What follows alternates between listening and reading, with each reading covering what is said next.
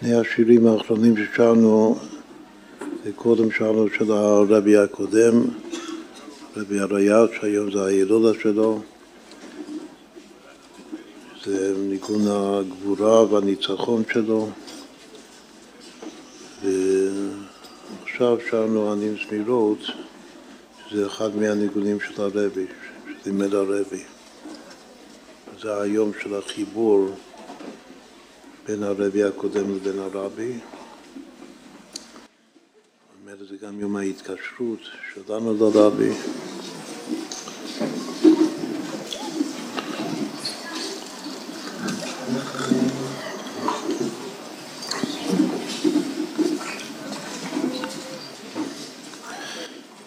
מי' שבט תש"י עד היום, תשפ"ג, עברו 73 שנים כמניין חוכמה. עכשיו נכנסים לשנת העד, עדי עד, הע"ד. אבל יש דבר חשוב, מעניין, שלא כולם יודעים, שהמאמר באתי לגני, אפשר לומר שבבחינת התורה של הרבים, זה המאמר שמחבר בין הרבי הקודם לבין הרבי. הרבי הקודם הכין את זה ללמוד בי' שבט תש"י, לכבוד היורצייט של סבתא שלו, הרבנית רבקה. ובאותו יום הוא בעצמו הסתלק, זה היה בשבת קודש. והרבי ראה לנכון מדי שנה ביום הזה ללמוד את המאמר הזה פרק פרק, יש עשרים פרקים, אז כל שנה ללמוד, להתקדם בפרק של המאמר באתי לגני.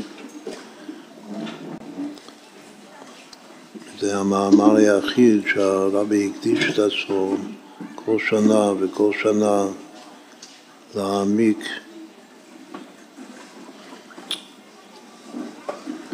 בדברי חותנו.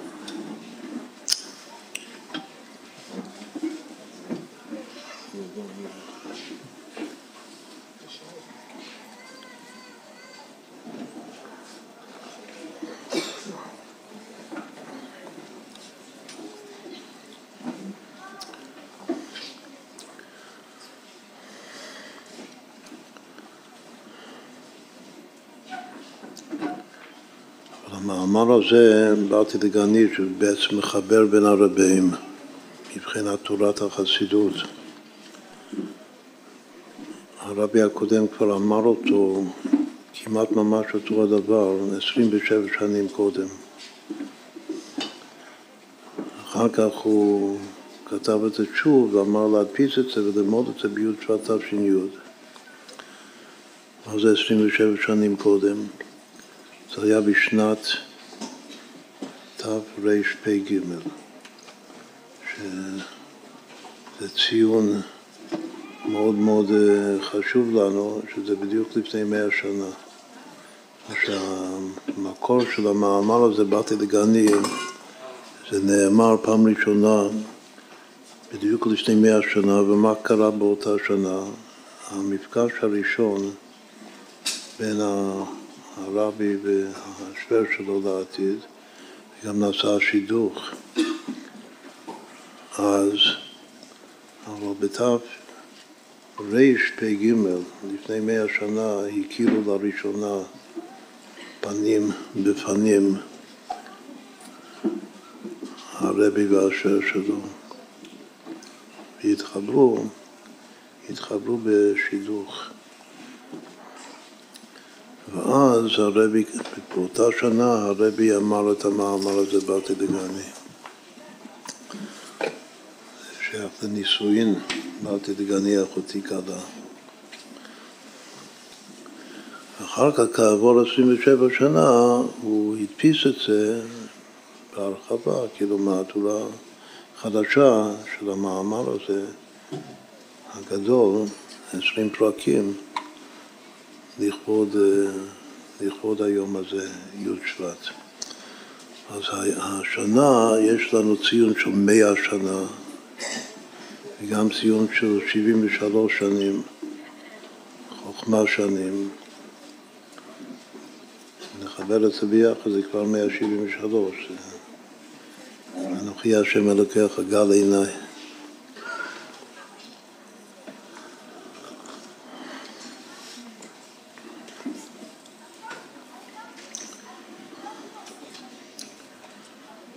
אחת הנקודות של המאמר, לפני שמגיעים לפרק י"ג, שזה הפרק של השנה הזאת, זה שעל ידי שטות תקדושה, אתה לא מדבר על שטות תקדושה, שעל ידי שטות תקדושה הופכים את השקר של העולם הזה, העולם הזה נקרא עמא דשיקרא. אז לא רואים את האלוקות. רואים שהכל אחד, רואים שכולה קמי כולו חשיב.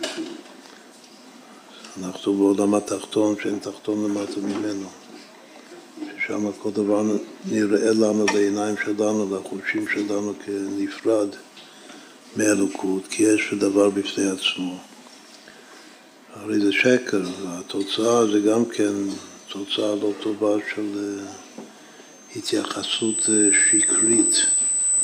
למציאות כולה. אז צריך לעשות משהו.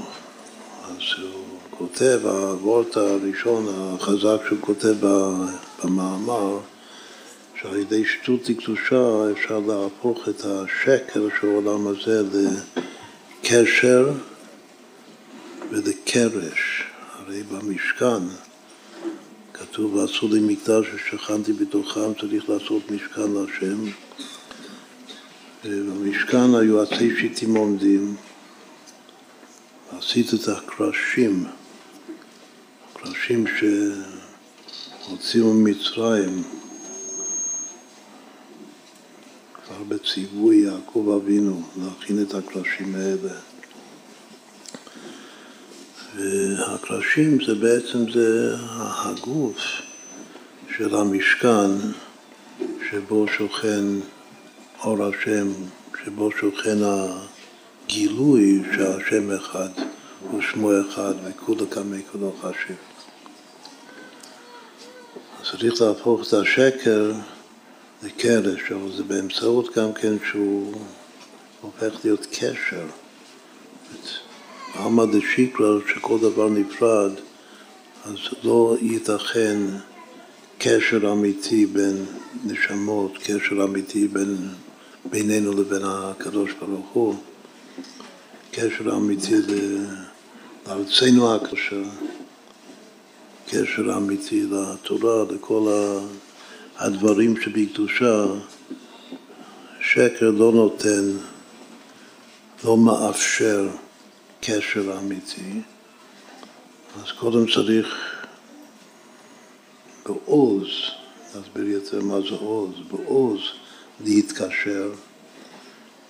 היום הזה זה התקשרות לרבי, שהוא הראש בני ישראל, שהוא הראש שלנו, שמקבלים את השם וגם כן דרך הנשמה של אחד בדרה. והמטרה זה שנוכל בכלל להתקשר. כשאדם מתחתן אז הוא מתקשר, מתקשר לבן לבת זוג שלו. צריך להתקשר ככה לכל היהודים, ושוב לכל הערכים הקדושים שלנו, שזה השם, קודם כל, והתורה של השם, וארץ ישראל של השם.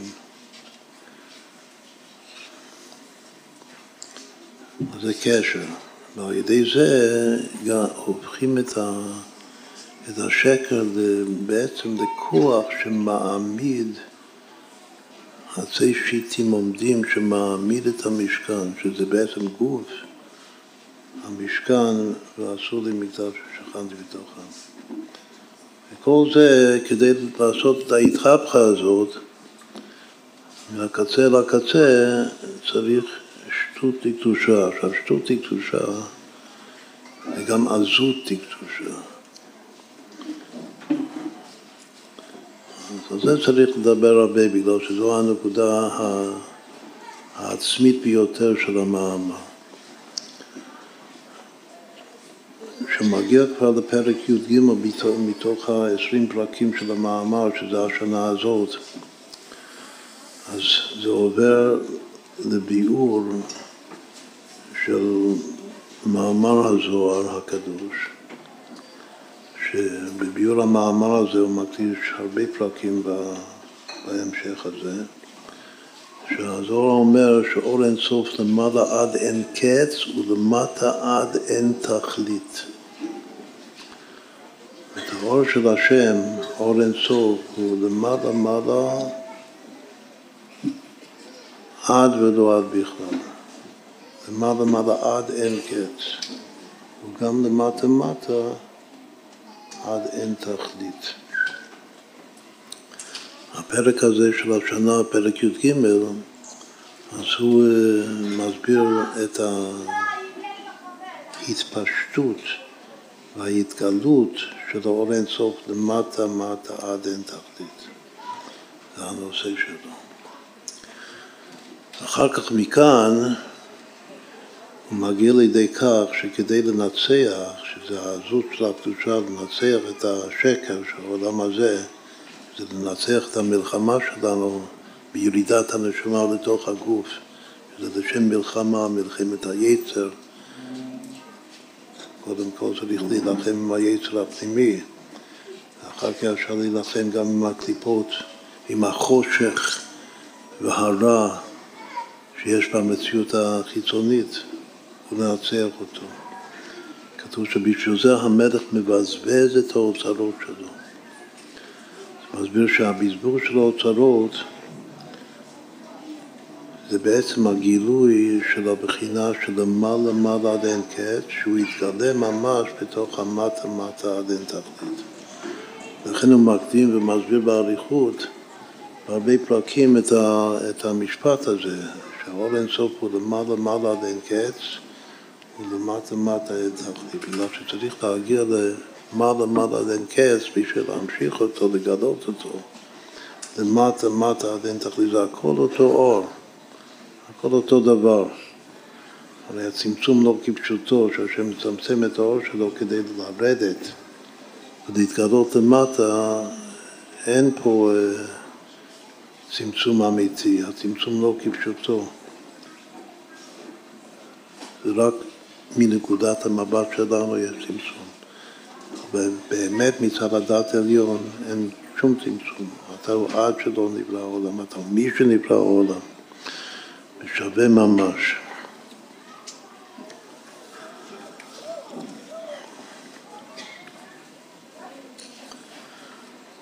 שהוא צריך להגיע לאוצר סגולת המלך, שזה הלמעלה מעלה עד אין קץ, ולגלות אותו, להמשיך אותו, לגלות אותו למטה מטה עד אין תכלית. וזה בעצם על ידי שטות תקדושה, על ידי עזות תקדושה. שזה לא איך שהשם ברא את העולם לכתחילה, ברא את העולם שיש פה העלם, העלם הבורא מן הנברא. האוצר הוא לגלות את הבורא. מצד אחד הוא ברא את העולם לא ככה, הוא רוצה מאיתנו, על ידי העזות שלנו, שזה השטות שלנו, לגלות הפך מאיך שהוא ברא אותנו.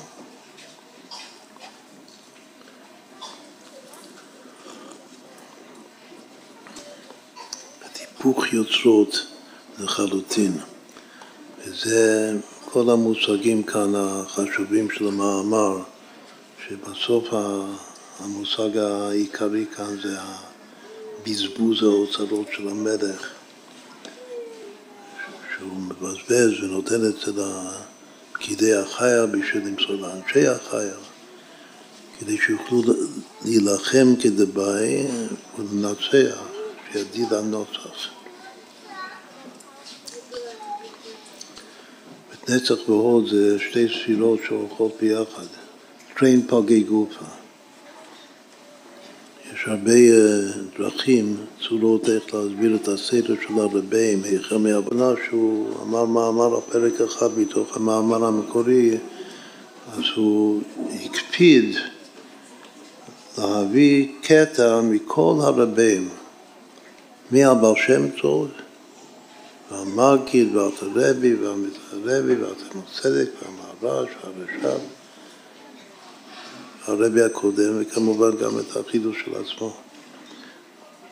יש משהו כאן שהוא ממש חוזר ועולה עד דבר שם טוב, ויורד רבי רבי, וכולל את כולם, את כל גילוי תורת החסידות, שכאשר יתגלה ויתפרסם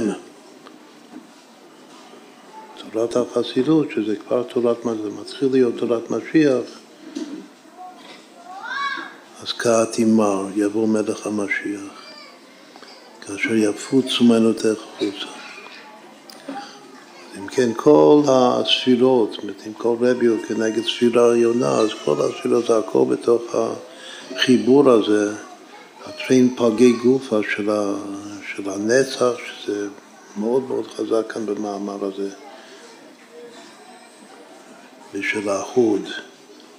עוד מי שמקבל את זה, ומסביר את זה ומעביר את זה לכל נשמות עם ישראל, שזה מה שהרבי רצה, שכולם יקבלו את המסר, את המסרים שיש כאן במאמר הזה. עכשיו, יש גם שיחה חשובה של הרבי בשנים האחרונות, שהוא אומר שכאשר י' שבט, היום הזה חל ביום רביעי בשבוע, שזה השנה הזאת, גם כן, אז יש בזה מעלה מיוחדת מאוד, משהו מאוד חשוב, וכאילו, מאוד חידוש בכפיות של השנה הזאת דווקא. מה החידוש? שביום רביעי ניתלו המאורות. השם ברא את שני המאורות הגדולים. שאחר כך הירח טענה בפני השם שאי אפשר לשני מלאכים שישתמשו בכתר אחד. אז השם אמר, לכי מעטי את עצמך. לכן אחר כך, קודם כתוב שני המאורות הגדולים, ואחר כתוב המאור הגדול, שזה השמש, והמאור הקטן, הירח. אז הירח מאוד הצטערה, והשם ניסה לפייס אותה, נתן לה את כל הכוכבים. ועוד הסוגיה שלמה בגמרא, איך השם מפייס את הלבנה. אבל הלבנה לאט לאט היא עולה במשך תולדות עולם. הלבנה שזה בחינת המלכות, הנוקבה, היא עולה בחזרה. עד שבסוף היא תחזור להיות שווים בקומתן, שווה עם השמש, ועוד יותר, בזכות זה שהיא ירדה, והתמעטה, אז שהיא עולה, היא עולה בבחינת אור חוזר, וכל אור חוזר, חוזר לקדמותו ממש, יותר גבוה מהמקור, מהמוצא. לכן, בסוף העליות של המלכות, של, ה... של האישה, היא תעלה אפילו יותר גבוה, כל היא תהיה שווה בקומתה. עם הבן זוג, עם הזכר, ואחר כך היא תעלה עוד יותר להיות אשת חיה לתת בעלה. כתוב שזה הסוד של האות זין. כל פעם שרואים, אני מדבר על האות זין באלף בית, כל השביעין חביבין, האות השביעית, והציור של האות זין זה קו עם כתר למעלה, ככה כתוב. בקבלה. וכשרואים את האות זין, מה שצריך להתבונן ולחשוב, שזה אומר אשת חייל עטרת בעלה.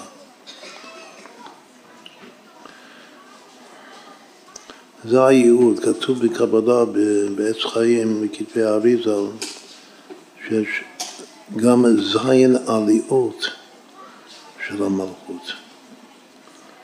שבקיצור, קודם המלכות היא רק נקודה אחת נקודה תחת היסוד זה הביטוי.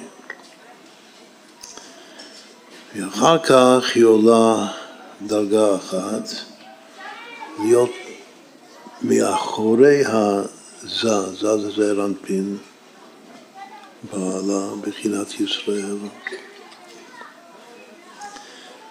יש שתי דעות, כתוב שאדם שהוא נברא לפני שהשם עשה נסירה, הוציא מהצלע של האדם את הבת זוג, את חווה, את האישה, אז קודם היא הייתה יחד עם האדם, שניהם היו יחד, אבל יש שתי דעות בחז"ל איך בדיוק היו יחד. יש דעה אחת שכותב שהיא הייתה בבחינת זנב, ויש דעה שנייה שהיא הייתה בבחינת פרצוף. פרצוף זה יותר גדול, זנב זה רק מה... מלמטה. אבל זה כבר יותר מנקודה תחת היסוד, זה כבר עלייה. אז העלייה הראשונה זה מלהיות נקודה תחת היסוד, להיות מאחורה מבחינת צנע, ואחר כך יש עוד עלייה להיות פרצוף, כאילו לפי האריזה שתי הדעות נכונות, זה שני שלבים, שתי עליות. ואחר כך היא חוזרת להיות פנים, פנים בפנים, האחור באחור, מה הכוונה אחור באחור? שאין תקשורת ביניהם, אין הבנה משותפת ביניהם. הם דבוקים, אבל זה בעל כורחם, כאילו בטבע. באמת כל אחד פונה לכיוון אחר בעצם, שעומדים אחור באחור. שהיא במצב הראשוני הראשוני, עוד לפני כל העליות, שהיא נקודה תחת היסוד בכלל, אין לה זהות, אין לה התפשטות, אין לה אישיות. ואחר כך יש את העלייה הראשונה והשנייה שאמרנו, אבל אחר כך מתחיל להיות הרבה יותר מתוקן, שעיקר הסוד התיקון זה לחזור פנים בפנים, אבל בפנים בפנים גופה יש שלושה או ארבעה מצבים של יחס. מה הם? יש שהיא חוזרת פנים בפנים, אבל רק עומדת כנגד הנהי של הזה. הנהי זה הרגליים כביכול, כלומר שהיא נמוכה, קטן קומה עדיין. פנים פנימה, אז מה, מה זאת אומרת בנפש? זאת אומרת שיש כאן ראייה משותפת ודעה משותפת בכל מה שנוגע לתחום העשייה. נחשוב על אה, בני זוג, שזה כבר עלייה, זה כבר מצב רביעי, ומתחיל להיות טוב בגלל שזה כבר פנים בפנים. בתחום העשייה יש תיאום דעים. אבל זה לא מגיע יותר גבוה לתחום הרגש שבלב, שזה החגת. עוד פעם, היא עומדת פנים כנגד הנהי של הזכר. אז לעמוד פנים נגד הנהי, הכוונה שהיא מבינה שהמוחין שלה, השכל שלה זה תופס וזה מסכים, כלומר שזה הולך ביחד, משתף פעולה עם כל המעשים של בעלה, עם השליחות, היא מבינה, היא מסכימה לשליחות שלו, והיא הולכת ביחד עם זה, היא מבינה את זה. שהוא משתפת פעולה, הרי עזר כנגדו, בלי העזר הוא לא יכול לתפקד טוב, להצליח, בזכותה הוא מצליח במשימות שלו. אבל אחר כך צריך עוד עלייה, זה כבר דרגה חמישית, שהיא תעלה, ושוב, היא עכשיו פנים בפנים, כנגד כל הגוף, עד עד הצוואר, שהראש שלה עכשיו זה כנגד הרגש, הלב בעלה. כלומר שיש פה שוב תיאום דעים והבנה ושיתוף פעולה ועזר כנגדו בתחום הרגשי של האדם. זה נקרא מדרגה חמישית. מה המדרגה השישית? המדרגה השישית זה שהיא עולה עוד יותר להיות כנגד הראש שבעלה, אבל לא כנגד הכתר עדיין. כאילו, היא, כאילו שהיא עומדת, זה כבר כמו זוג בקופה, שהיא מגיעה עד המצח שלה. והגוגולת שלה, הקרקפת שלה, זה מקביל לתחתית המצח שלה, כאילו מעל העיניים של בעלה. זה כבר מתחיל להיות טוב, טוב מאוד. והמדרגה הזאת, השישית, מי השיג את זה? מי הצליח להגיע לשם? מה זה נקרא חוכמת שלמה, המלכות זה שלמה. זה ששלמה המלך היה חכם מכל אדם, זה נקרא חוכמת שלמה. וחוכמת שלמה הכוונה שהראש שלה זה הגיע עד לחוכמה בעלה. מה זאת אומרת, לפי איך שאנחנו מסבירים? זאת אומרת שהיא לגמרי לגמרי מבינה את הראש שלו. לא, לא סתם את הראש החיצוני, היא מבינה את הפנימיות. הפנימיות של החשיבה, שכל הלך החשיבה היא שמה תופסת, מבינה, ושוב משתפת פעולה, גם כן היא מנווטת את זה. בעזר שלה היא גם מנווטת את החשיבה וההבנה, והיא משתפת, אם הבעל לומד משהו, שיכול להיות שהיא לומדת איתו, לא סתם חברותה. היא לומדת לעומק, היא מיישרת לו את הראש, אבל היא לא מגיעה עדיין עד הכתר שזה התענוג והרצון. עצם התענוג והרצון של העל מודע, שזה לא מודע. זה כבר העלייה השביעית. וכאשר היא מגיעה לשם, אז היא גם שווה לגמרי בקומתה עם בעלה. ועוד יותר שהיא הופכת להיות אשת חיל, עטרת בעלה, שזה נקרא איזו אישה כשירה עושה רצון בעלה, שהיא עושה ומעצבת את כל הרצון וכל התענוג הכי פנימי בעלה. אלו, בקיצור אמרנו, שבע דרגות של עליית המלכות, שהאריזה אומר שהמדרגה השביעית עוד לא הגענו. על המדרגה השביעית, זאת המדרגה השלישית כן הגענו, שלמה המלך הגיע לזה, זה חוכמת שלמה, ויש פסוק בתלב חוכמת שלמה. כלומר שחוכמת שלמה גופה צריך לגדול עוד יותר, וזה יהיה לעתיד לבוא על ידי מלך המשיח. שזה הסוד של זין, וזה הסוד גם כן של המילה אז, שאז זה א' על זין, שזו המילה שפותחת את שירת הים. אמרנו שיש שיחה של הרבי שכאשר יוצאת היום חל ביום רביעי, ויום רביעי הכוונה יום רביעי של פרשת בשלח, אז יש בזה מעלה מיוחדת. מה המעלה מיוחדת? שחוזרים למצב של שני המאורות הגדולים, הגדולים. שעושים תיקון שלם של מיעוט הירח.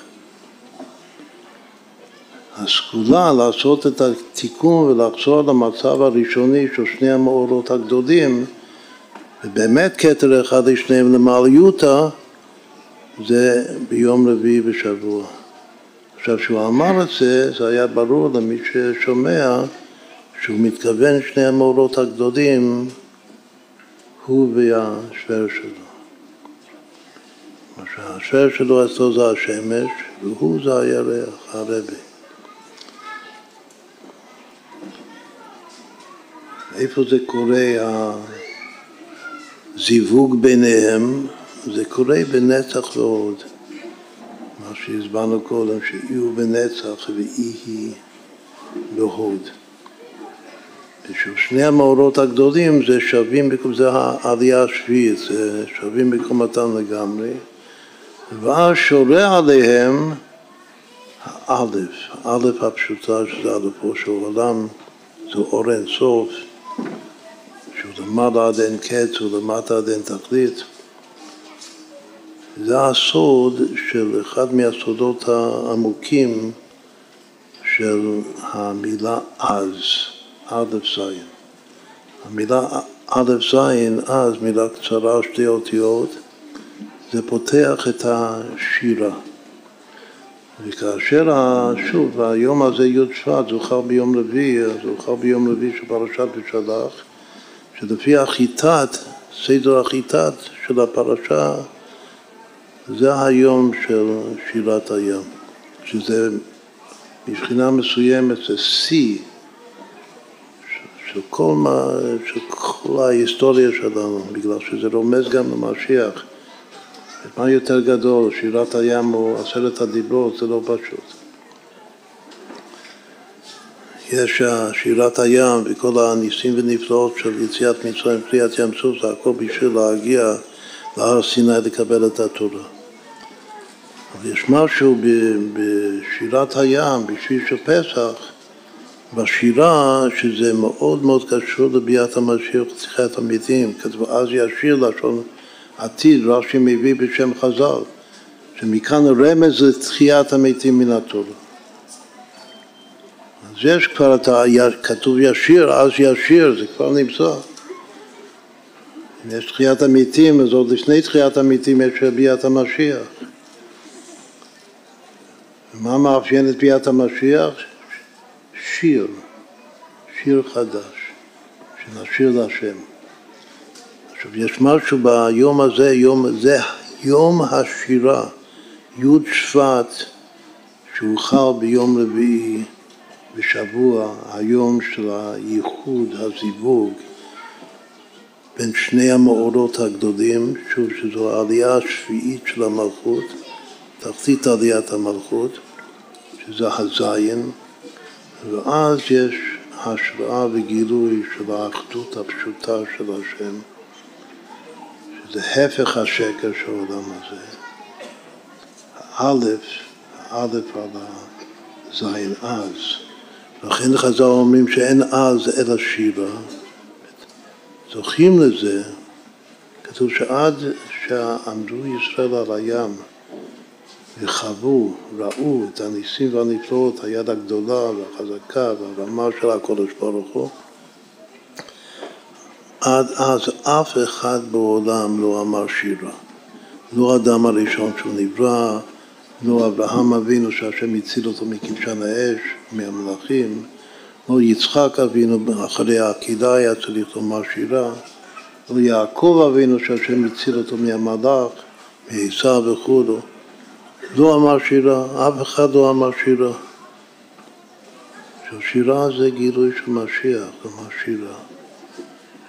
רק כשישראל הגיעו לים, אז אמרו שירה. עכשיו, זה שאמרו שירה, זה בגוף הסימן שמישהו כאן, מת הקודש ברוך הוא, משה רבינו אז אשר משה, בזבזו את האוצרות כדי לגלות את השם בעולם. והביטוי של זה, כאילו שלי, שנותנים לי את האוצרות לנצח את המלחמה זה באופן ספונטני, לפתוח את הפה בשירה לקודש ברוך הוא. וזה גוף הבחינה של ביאת משיח ותחיית המתים. אז יש משה.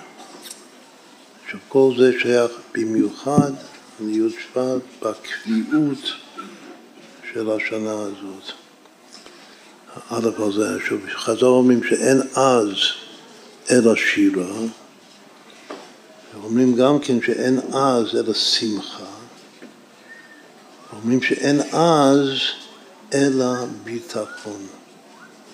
שלושה דברים שאומרים שאין אז אלא.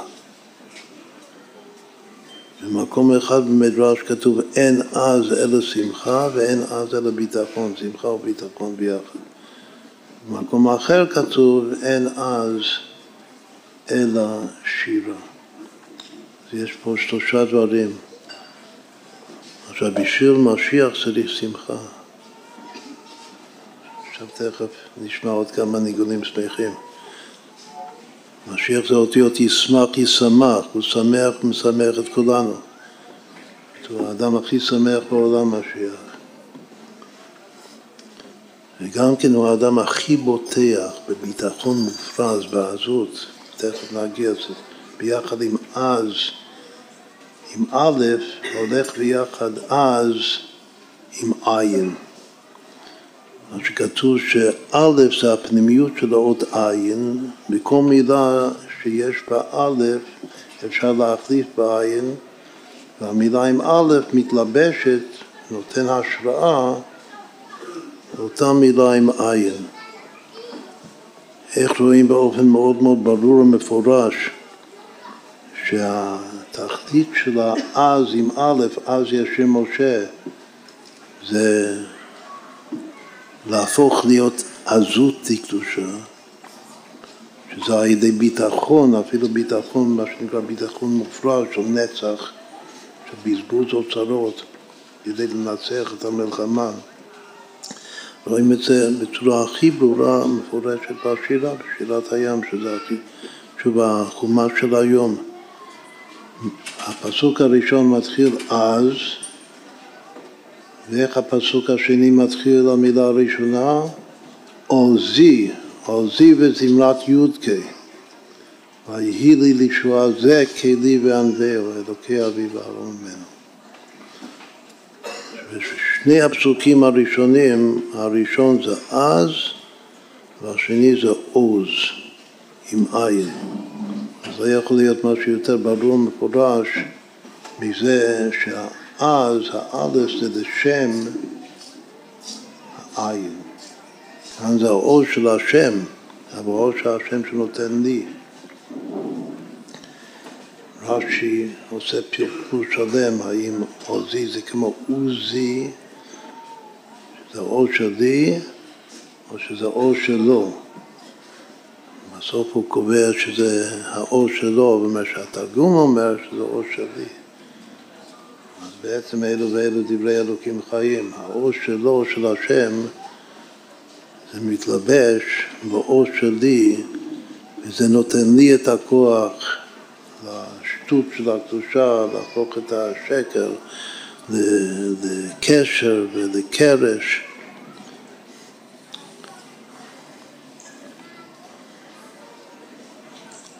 כשמתבוננים בספירות העליונות, אז רואים תופעה מאוד מאוד אה, מעניינת,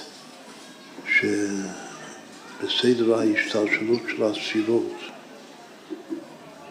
אז יש לסירוגין עז ועוז, שבתוך העז עם א' אין עז אלא ביטחון חזור אומרים, מאין בא הביטחון מאמונה, זאת אמונה מאוד מאוד חזקה הופכת להיות ביטחון. זה בעצם האלף והזין של המילה אז, שאין אז אלא ביטחון. זה מתחיל מאמונה וזה מתחזק מאוד. את האמונה, מה זה האמונה? שכל מה שהשם עושה זה טוב. אבל לא תמיד אני רואה את זה, אני לא יכול להרשות לעצמי תמיד ליזום דברים גדולים.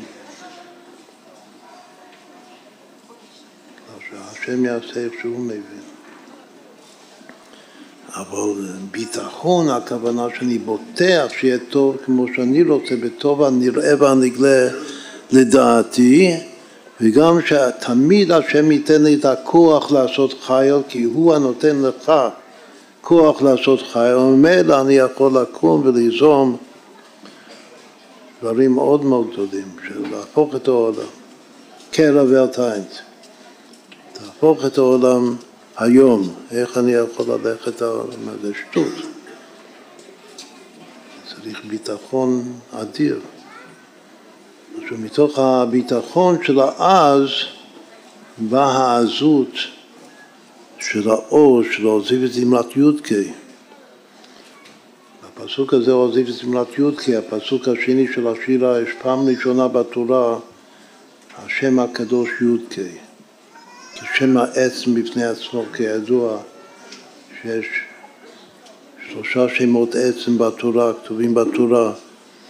שם עצם זה שם שהוא מורכב רק מאותיות אהבי.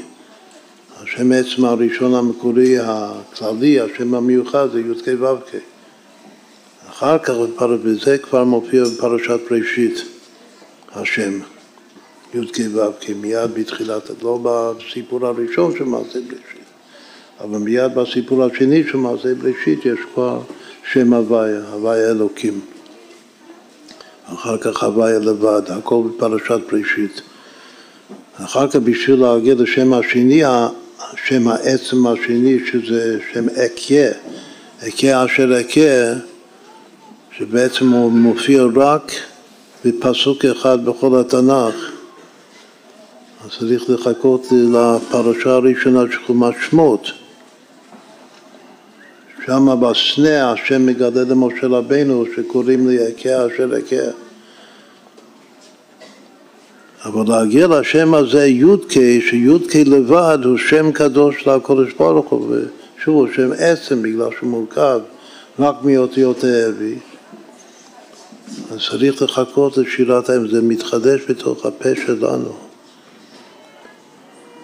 אנחנו עדים לניסים של הניסים המופלאים ביותר, הנפלאות של הקודש ברוך הוא, ופותחים בשירה, שזה נקרא פיה פתחה בחוכמה, כך חז"ל דורשים את זה. פותחים בחוכמה בשירה, אז אומרים את, ה, את השם הזה, מתגלה השם י"ק. המילה אז, א' ז', מופיע י"ק פעמים בכל התורה. המילה אז. אז ישיר משה ובני ישראל את השירה הזו, זה הפעם האז. זה הפעם השמינית שכתוב אז בתורה. מה הפעם הראשונה? הכל הולך אחרי הפתיחה. כאן יש תופעה ידועה אצלנו, שהרבה הרבה הרבה דברים זה מתחיל מתוהו ברישא חשוכה והדר נהורה, ואחר כך מהתוהו זה מגיע לתיקון. זה בכוונה, כדי שיהיה יתרון האור מן החושך. האז הראשון והמקורי בתורה זה אז הוחל לקרוא בשם השם. איפה זה כתוב? כתוב אצל אנוש. דור של אנוש, שלפי חז"ל זה מה שבדור של אנוש התחילו לעבוד עבודה זולה, רחמנא ליצלן. אז הוחל, לשון חולין, לשון חילול, אז הוחל לקרוא בשם השם. הם קוראים את העצים והאבנים והפסלים שלהם בשם השם. אבל לפי האבן עזרא, זה הפשט הכי פשוט, ועוד מפרשים שהולכים בעקבותיו, זה לא הפשט של הפסוק. הפשט של הפסוק אז יוכל לקרוא בשם, בשם השם זה טוב. לקרוא בשם השם זה להתפלל השם. אז אמנם יש מי שאומר שלמה התחילו רק בדור של אנוש להתפלל, כאילו שבדור של אדם ובדור השני של שט עוד לא ידעו להתפלל לאנשים. בדור של אנוש התחילו, ידעו שצריך להתפלל, שיש להתפלל השם, שיש עניין להתפלל השם על כל דבר. אז יש מי שמסביר את זה שבגלל שבדור של אנוש היו אנושים, היו חוו צרות, היו צרות וצער, התחילו לדעת מצער. והיות שהיה שם אנוש, מלשון אנוש, אז מה עושים במצב אה, קשה? צועקים לקודש ברוך הוא. אז אדרבה, זה מתוך אמונה. כתוב שתפילה בגרמטיה שירה. אז הביטוי הראשון של אז זה תפילה. אז יש פה שני פירושים, פירוש אחד טוב, אז אוכל לקרוא בשם השם, ופירוש שני רע מאוד, שאז אוכל לקרוא בשם השם זה עבודה זרה. וגם כן אומר שיש נשיאת הפכים, פרדוקס במילה הזאת אז.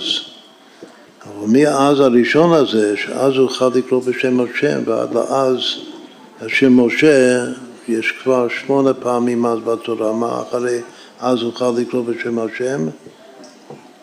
יש והכנעני אז בארץ, שאברהם אבינו נכנס פעם ראשונה לארץ ישראל, הוא מגיע לשכם, לאלון מורה, והפסוק מסיים, והכנעני אז בארץ. אחר כך יש עוד פסוק דומה, והכניל והפריזי אז יושב בארץ, זה השלישי אז. אז רואים שאז הוא קשור ל... לארץ ישראל, אבל כאשר הכנעני אז בארץ, אז שוב זה אז שהוא עדיין לא מבורר, לא בצד הקדושה, צריך, צריך להפוך אותו ולגייר אותו, את האז הזה. בתכלית הגיור זה אז יש שיר משה. יותר מאוחר בתורה יש אז ישיר ישראל בשירת הבאר. אז ישיר ישראל את השירה הזאת, עלי ואל אנודה. זה אז השלוש עשרה, אמרנו שיש י"ק, יש חמש עשרה פעמים אז בתורה.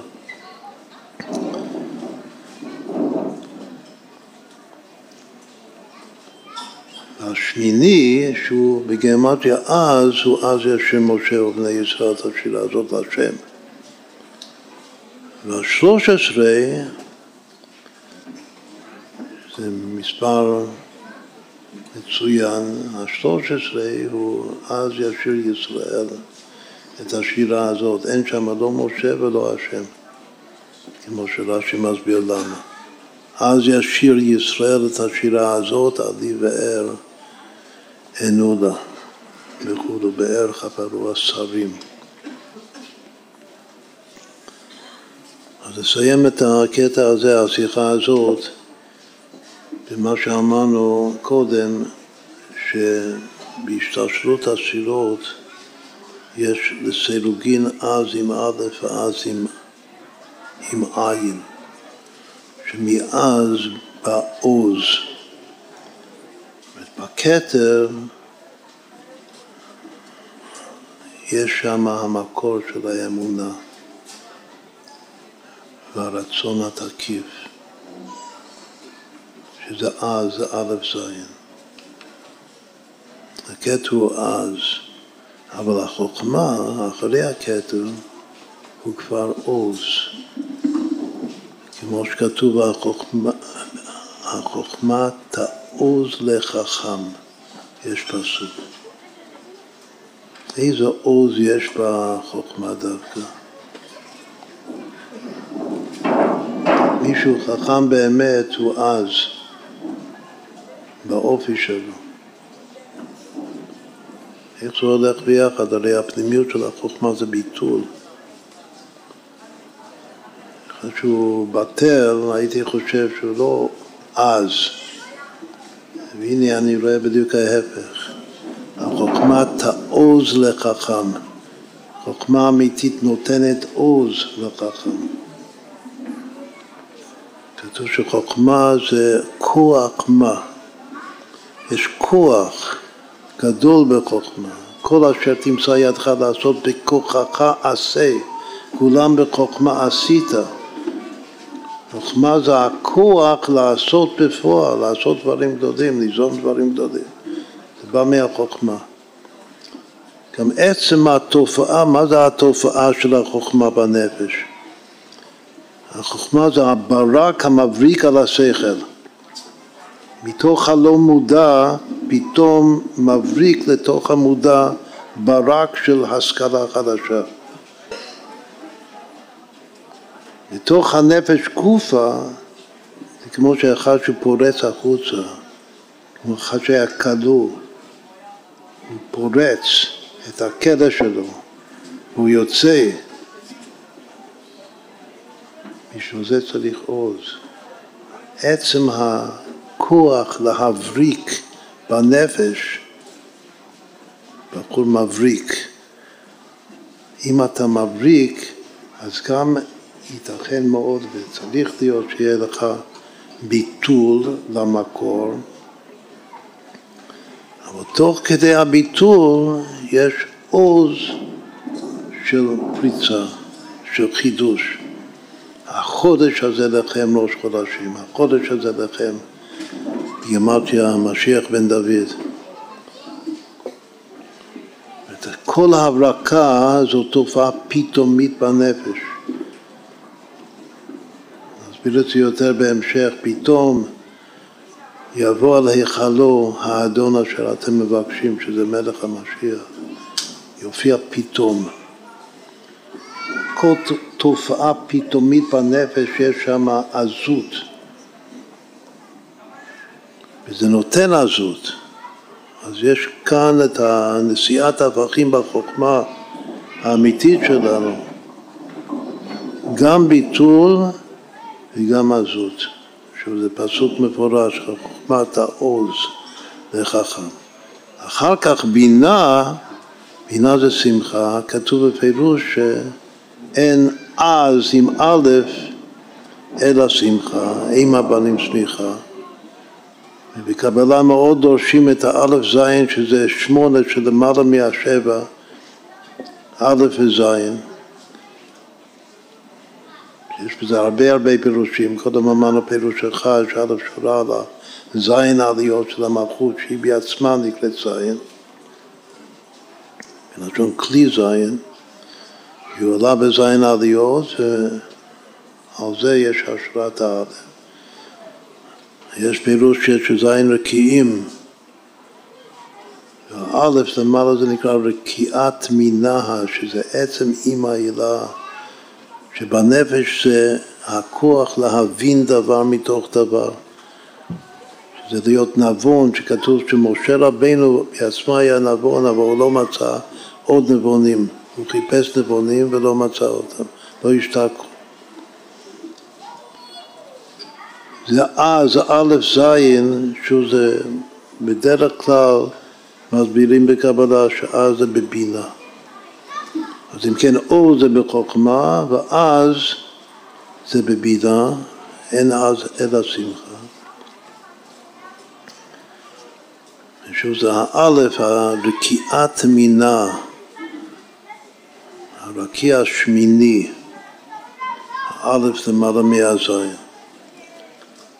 אחר כך יורדים בקו שמאל דווקא, שמתוך בינה, מה למטה מהענף של הבינה זה גבורה, אני בינה לי גבורה כתוב.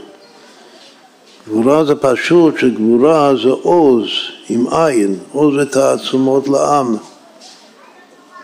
אז מהעז של בינה באים לעוז של הגבורה. אחר כך מהגבורה יורדים להוד. זה הענף של הגבורה. בהוד היא הספירה השמינית העז מלמעלה למטה.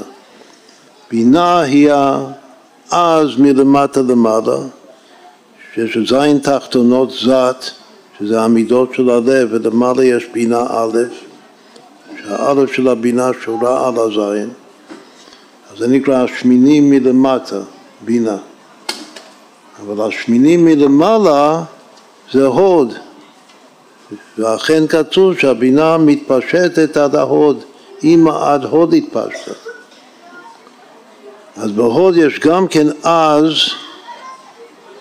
עם א', בנצח הבן זוג של ההוד יש עוז עם עין, אבל בהוד יש אז. מה אחר כך? אחר כך זה בסוף זה המלכות. עכשיו יורדים מקו שמאל ובעניין המלכות זה מהגבולות של קו שמאל וייתן עוז למלכו, ירם קרן משיחו. מה קרני בשם של דוד מלכה משיח? המלכות, האופי והתכונה העצמית של המלכות זה עוז עם עין. בשביל להיות מלך, קודם כל צריך להיות עם עזות דקדושה, בשביל להיות מלך של קדושה. כתוב שגם בשביל להיות חסיד צריך קודם, יש שלושה תנאים להיות חסיד, יש עבורת. שהראשון ביניהם, שמי שרוצה להיות חסיד, זה עזות דקדושה. אפשר להיות חסיד בלי עזות דקדושה. אז אם כן, עכשיו אנחנו נעשה הפסקה, עשינו, מה שהתחלנו לדבר עכשיו זה הסוד של, של י' שבט שהוא חל היום ביום רביעי של פרשת בשלח, שזה היום של, של שירת הים, שמבחינה מסוימת שירת הים זה השיא של כל התורה כולה. מה שהוא רומז בביאת משיח ותחיית המתים יותר מכל דבר אחר בתורה. אז הולך ביחד עם העוז, מתחיל אז ישיר ואחר כך עוזי וזמרת כה ויהי לישועה זה כלי וענווהו. יש שם שלוש פעמים ביטלת זימין הווה חזוק, שלוש פעמים רמז של עוז עם עין. קודם כל הפשט, עוזי זה עוז. לכן כתוב עוזי וזמרת, הראשי תיבות. עוזי וזמרת, זה עוז. ואחר כך החלק השני של הפסוק זה מתחיל. זה גם כמילה מיוחדת של שירת הים, שכל אחד היה מצביע באצבעו ואומר זה כלי וענווהו, גם התינוקות הקטנים.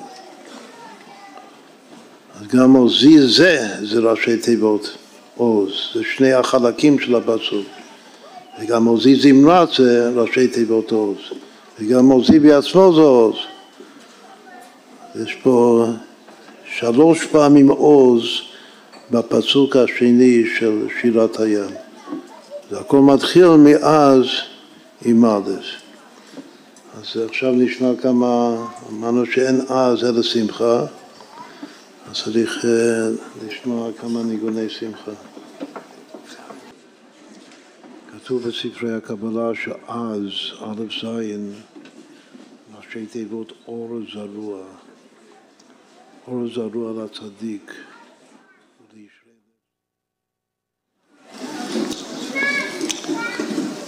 זרוע כתוב חסר בלי ו', אור זה כמו אור זרע, שאור זה חוכמה וזרע זרוע זה דעת. אור זרוע לצדיק, ולישרי לב שמחה אין אז אלא שמחה. כתוב בחז"ל.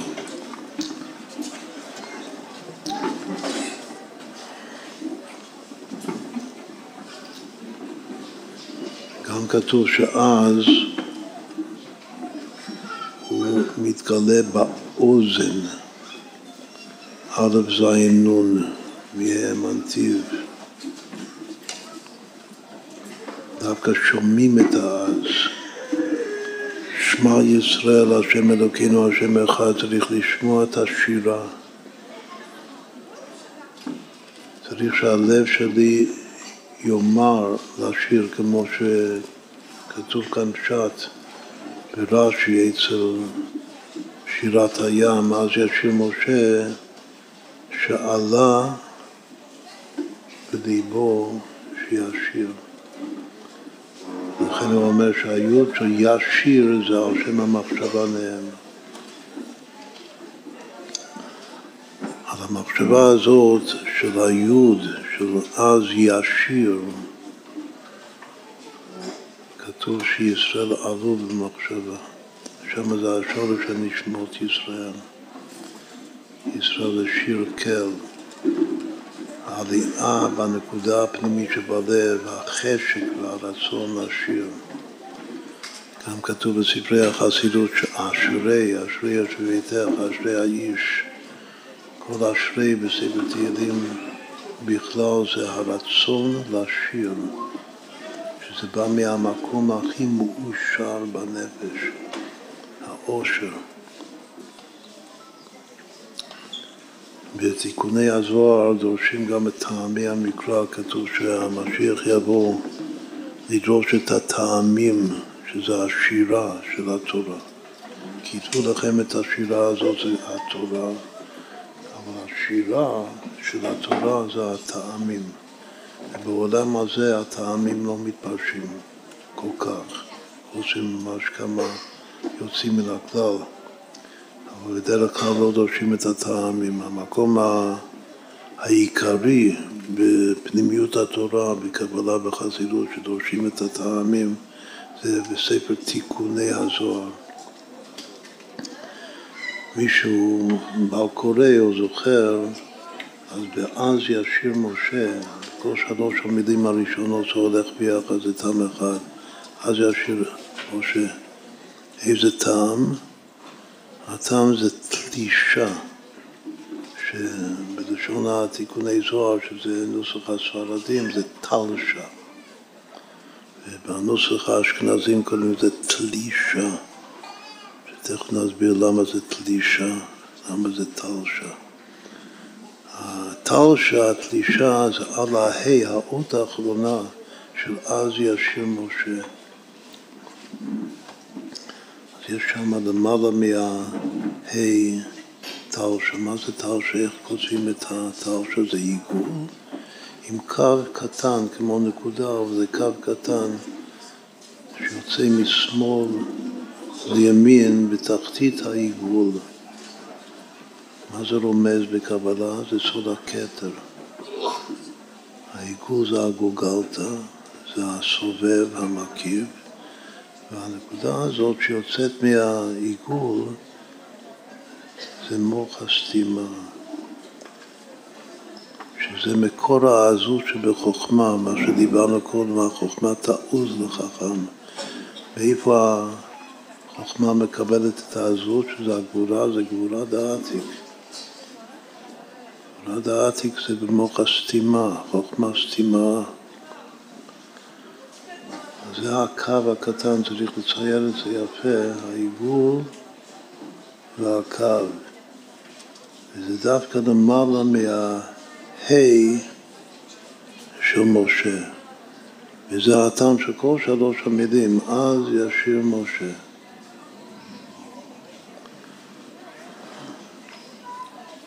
מה זה אומר התלשה? זה אומר שהמלכות נתלשה משם והיא ירדה למטה. ועל ידי השירה, מה הפעולה של השירה? מה זה שירה? מה זה כוח השירה? כתוב ששירה זה בא מכוח הגבורה.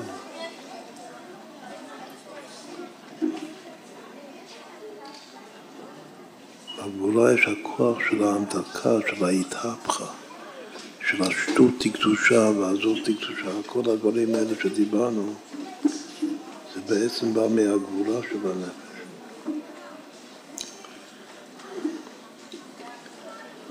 מה זה הגבורה? יש פסוק שאומר, צהלי קולך בת גלים. אז כתוב שהשירה, הנגינה, זה כמו גלים. מה התופעה של גלים שהם עולים ויורדים. וככה כל שירה היא עולה ויורדת.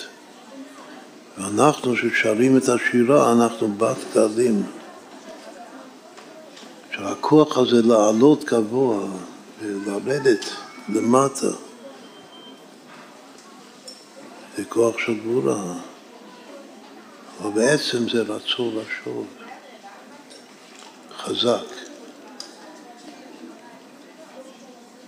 הגל,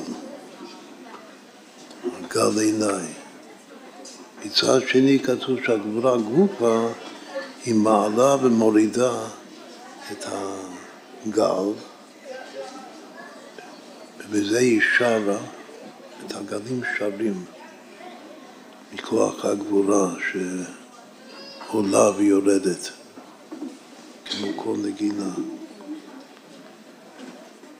וגם כן הגבורה מגבילה את הגלים האלה שלא יפרצו החוצה מה, כאילו מהחומה או מהגבול, שהשם שם גבול לים. אז מצד אחד הגבורה עושה מסגרת, לא לצאת מהגבול הזה, שאם יוצאים מהגבול הורסים את המציאות, את היבשה, את היישוב. מצד שני, בשביל לשיר בנפש צריך להגיע לים, להיכנס לתוך הגלים, להיות בת גלים, צהלי קולך בת גלים.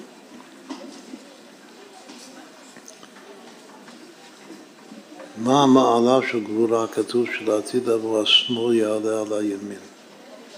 בעולם הזה העבודה שלנו זה להכלל השמאלה בימינה, להכליל את השמאל בתוך הימין.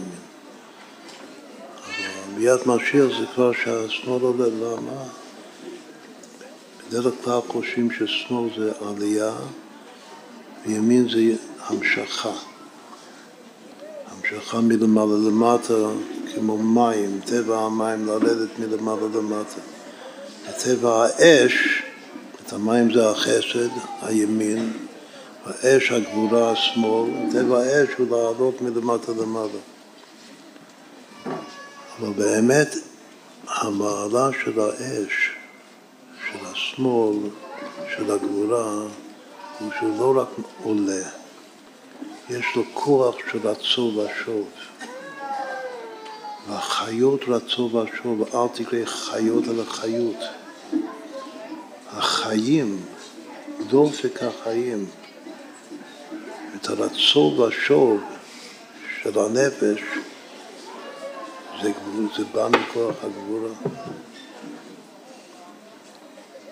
זאת אומרת שהימין הוא יורד, יורד טוב וחזק, מלמעלה למטה, מגיע לתחתון, אבל החיים שחיים זה דופק, עלייה וירידה זה בעצם שירה, לשמוע את הדופק של הבן אדם ולשמוע את השירה הפנימית שלו, העלייה והירידה שלו. צהלי קולך זה הפסוק שמביאים צהלי קולך בת גלים. שהוא בתורה שלנו זה סוד הטעמים. הטעם הזה, הטל שמה הוא אומר התלישה, הוא אומר היכולת להרים ולהחזיר את המלכות מלמטה למקום שהיא נתלשה משם, וגם הכוח לתלוש אותה משם ולהוריד אותה למטה למקומה. וגם סוד הזרקה. טעם הראשון, לזרוק את המלכות מלמטה למעלה, להחזיר את המלכות לכתר. הרי נעוץ סופן בתחילתן ותחילתן בסופן. המשחק של השירה זה בעצם משחק עם המלכות. המלכות כאן זה כמו כדור, שזורקים את הכדור למעלה למקור. ומורידים את הכדור, עוד פעם זורקים מלמעלה למטה. שתי,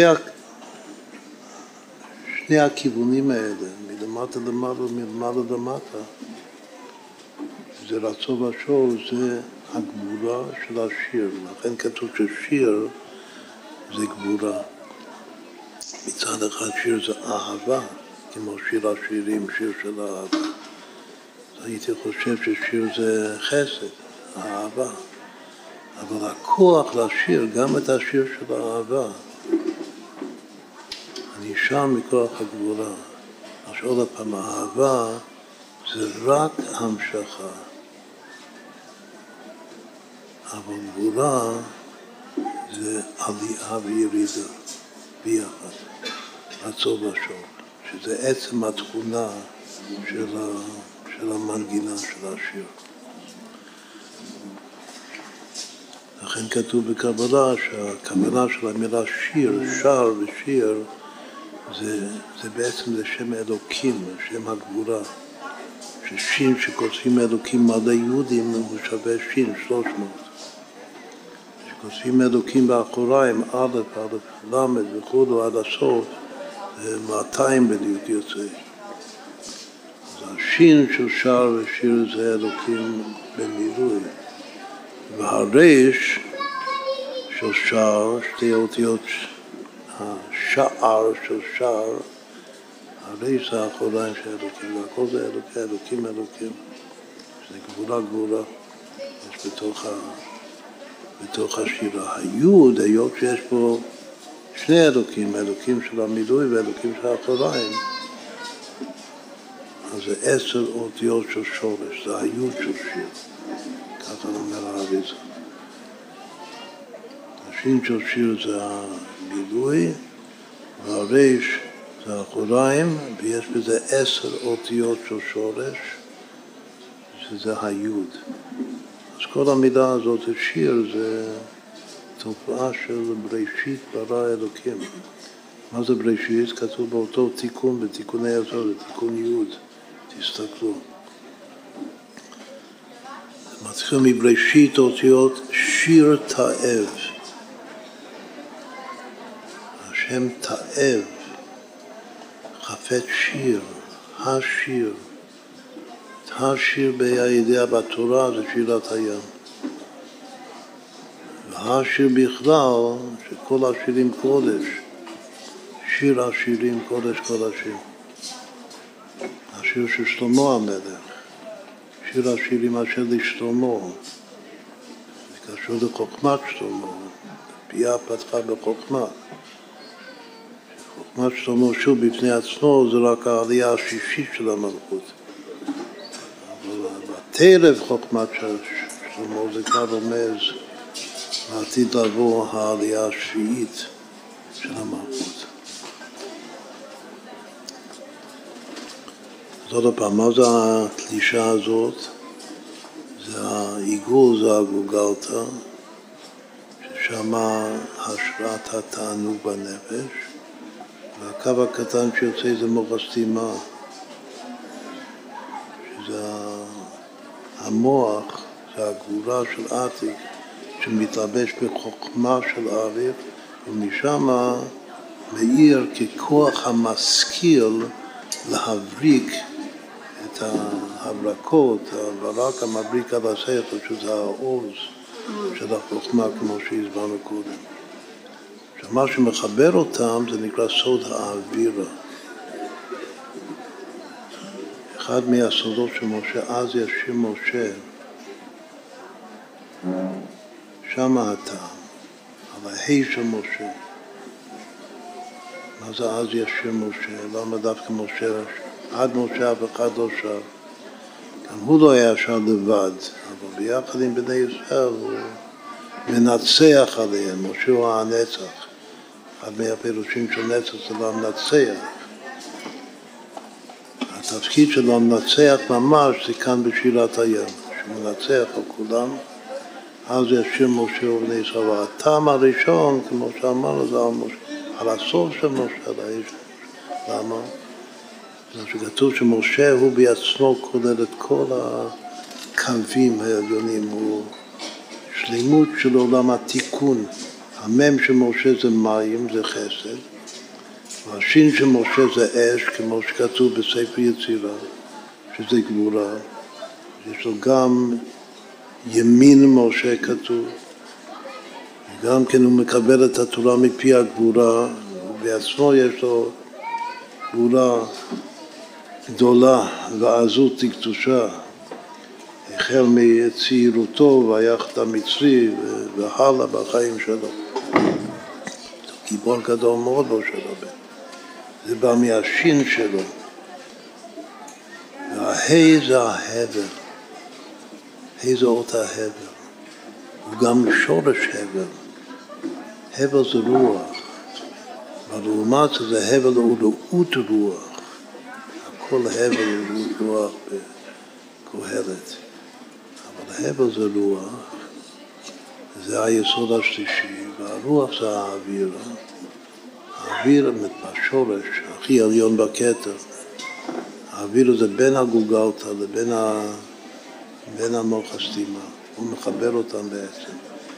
ושם באווירה יש השראה של הדעת של רדלה, זה הדעת של האמונה, זה היכולת להפוך את האמונה לדעת. כמו המצווה הראשונה לפי הרמב"ם. בספר המצוות זה להאמין, ובעיה זה כבר לדעת. זה כוח הדעת של רדלה, והוא שורה בין העיגול לבין הקו הזה, והוא בעצם מאחד אותם. זאת אומרת, בטעם הזה, תלשת תלישה, יש בעצם כל גימל הראשים של הכתר. הוא דווקא על ההי של משה, שזה ההבל שלו, על הרוח שזה סוד שהוא האווירה, שבין בין הגולגולת של אריך לבין המוח, המוח שלו יש אוויר. ושוב בתוך האוויר הזה יש, כתוב בזוהר, יש חיה, מה שם החיה הזאת? ישראל. המקור של ישראל שעלו במחשבה. עכשיו, במאמר הראשון שהרבי אמר על הפרק של השנה הזאת, ובאתי לגני פרק י"ג, אז כמו שציינו קודם, הוא מביא מכל הרבי, מאבא שם טוב עד, עד הרבי הקודם. ציטוט. איזה ציטוט הוא מביא מהפרק, כל ציטוט פרק. איזה ציטוט הוא מביא מהרב המגיד ממזריץ'. מביא מאור התורה פירוש עמוק מאוד על שיר השירים. מה הסוד של שיר השירים, שכל השירים קודש, ושיר השירים קודש קודשים. שוב, זה בפירוש קשור לשירת הים. זה רומז ליוד שבט שחל ביום רביעי, כמו השנה הזאת. כתוב שאין המלאכים אומרים שירה עד שישראל יאמרו שירה. קודם ישראל צריך לומר שירה, ואחר כך יש רשות למלאכים גם לומר שירה, ואין להם רשות לומר שירה לפני שישראל אומרים שירה. לכן הם צריכים להיות חש עד שישראל יאמרו שירה, ורק אז הם יכולים לדבר מל. לכן המילה הזאת חשמל, לפי הקבלה, המילה הכי יסודית שיש בתנ"ך, זה סוג של מלאכים שהם חשים עד שהם מדברים. אבל הסוד הזה של החשמל, שזה בכלל העלם וגילוי, קודם העלם בריש החשוכה, חש זה אותיות חושך, ומל זה לשון מול, מול זה התגלות. מולי. אז הסוד הזה זה הסוד הכי עמוק שיש גם בחסידות. שמוסיפים עוד בחינה של מעל חשמל, זה נקרא הכנעה דבן דקה. יסוד היסודות של כל תורת.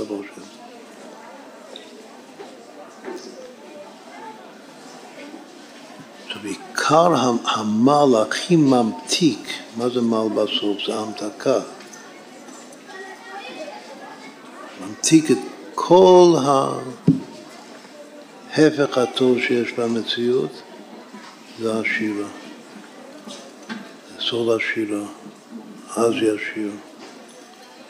אז שמשחק ומתהפך מאז עם א' לאז עוז עם עין. מה אומר, מה החידוש עליו המגיד? יש כמה יש לו כמה פירושים, אבל הפירוש שהרב מביא, שזה העיקר לענייננו, הוא שלמה ישראל צריכים קודם לומר שירה ורק אחר כך המלאכים? בגלל שישראל עלו במחשבה. המחשבה הזאת, השורש זה הדעת רדה של זה, האמונה שבתוך האווירה.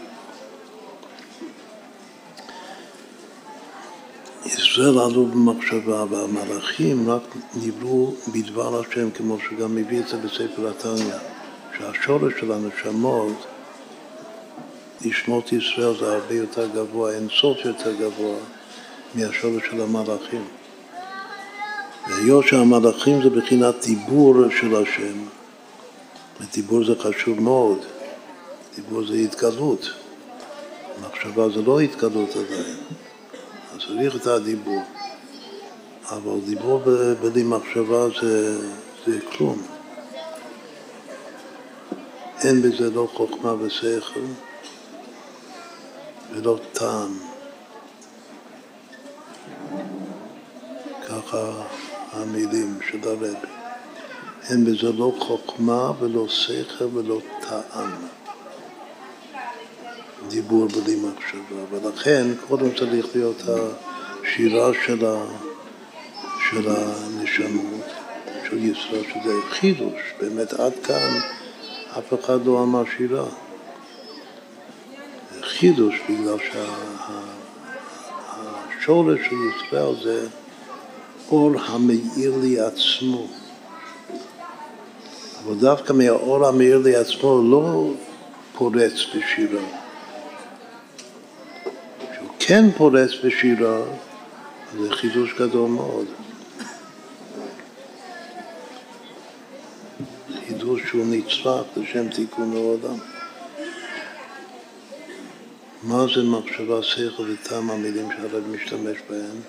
זה בעצם זה חב"ד, חוכמה זה חוכמה, שכל סתם זה בינה, וטעם זה טעם ודעת, טוב טעם ודעת.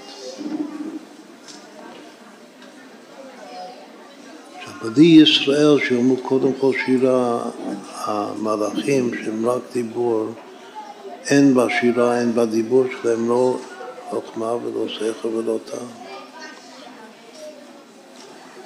אחרי שישראל פותחים בשירה, אז יש גם כן חוכמה ושכל וטעם גם בשירת המלאכים, מלאך זה לשון שליח. כתוב שישראל זה טוב שיש לו מלאכים שעובדים אצלו. המלאכים עוזרים לו לקיים את השליחות שלו, מלאך זה לשון שליח. הרבי כותב שהמלאכים, טוב מאוד שכל אחד יהיו לו הרבה מלאכים. שהם עוזרים לו לקיים את השליחות שלו בעולם, לתקן את העולמות. שם באותו פרק הרבי הקודם כותב, והרבי מביא את זה, שנשמות זה פנימיות, פנימיות זה אור המאיר לעצמו. מלאכים זה חיצוניות, זה אור המאיר לזולתו החוצה. ועולמות, יש עוד דבר שנקרא עולמות, זה חיצוניות, דחיצוניות. וזה כנגד ביאה, כנגד שלושת העולמות התחתונים, בריאה, יצירה, עשייה.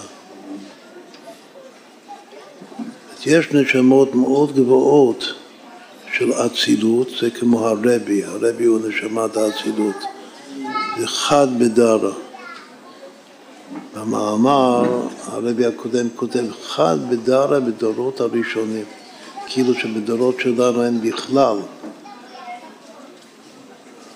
צריך לומר שאם יש איזה צדיק אמיתי, רבי אמיתי, בדורות האחרונים הוא נלקח מהדורות הראשונים, בגלל שהנשמות האלה זה חד בדרה בדורות הראשונים, זה הלשון. וכל שאר הנשמות זה נשמות של ביאה. אבל ביאה יש, וזה נפרד, כלומר שבעצם כל אחד, גם הנשמות, במודעות של הנשמות, זה לא, לא אחדות, זה לא אצילות.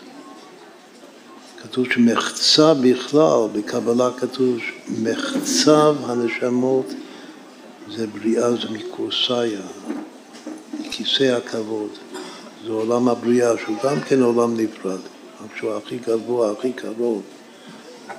יכול להבין את השם, יכול לומר קדוש, יכול להבין את הנבדלות של הקודש ברוך חיצוניות זה כנגד יצירה, וחיצוניות דחיצוניות זה כנגד העשייה.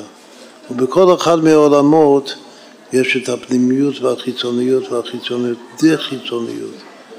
זה כאילו הביאה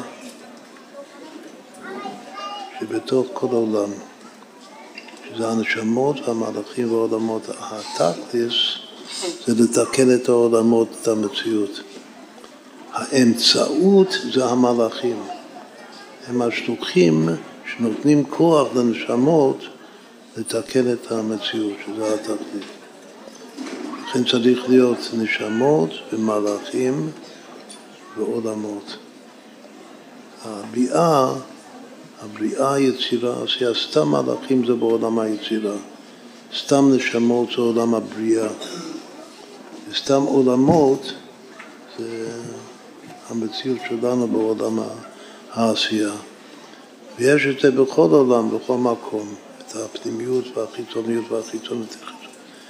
האצילות זה בעצם פנימיות, די-פנימיות, כמו שיש חיצוניות וחיצוניות, צריך להיות גם כן פנימיות, די-פנימיות, שזה האצילות, זה לא אחד מהביאה, זה נבדל באמת.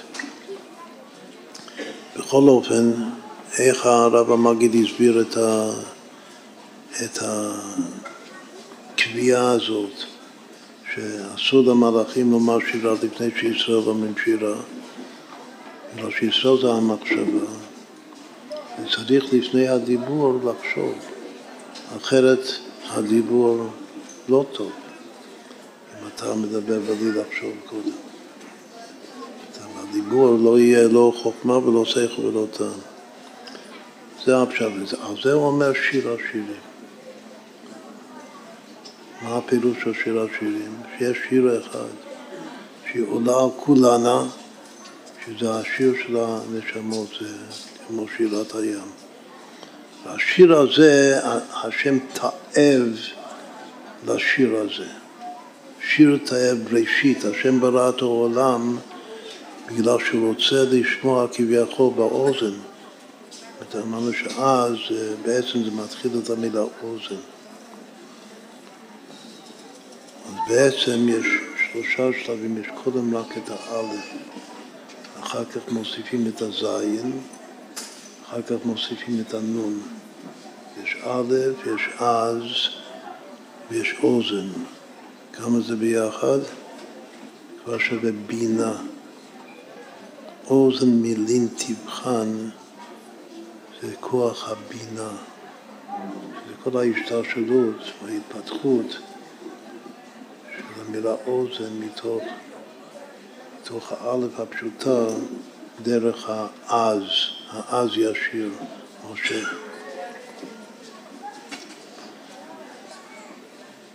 אז השיר הזה של הנשמות שזה עיקר החידוש של השמות בעצמן שרות. לא רק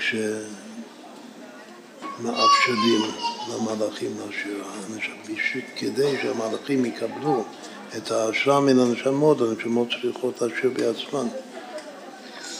לכן קודם ישראל צריך לומר שירה ואחר כך המלאכים. עכשיו, מה שמעניין הוא שה... הדבר הזה מובא גם בגמרא וגם במדרש. ובכל מקום מביאים פסוק אחר להוכיח שקודם כל צריך הנשמות הישראל לומר שירה ואחר כך המלאכים. שוב, זה הכל נקרא שיר השירים. השיר הזה של הנשמות והוא מאפשר הרבה הרבה שירים אחרים של המלאכים. ככה זה הפירוש, שיר השירים. השיר של ישראל, שזה השיר תאב, שבשביל זה השם ברא את העולם, הוא מוליד הרבה הרבה שירים שלו, שכל השליחים, כל כוחות השליחות בשטח להביא את השירה לכל פינה בעולם, להביא את זה לעולמות. צריך מלאכים.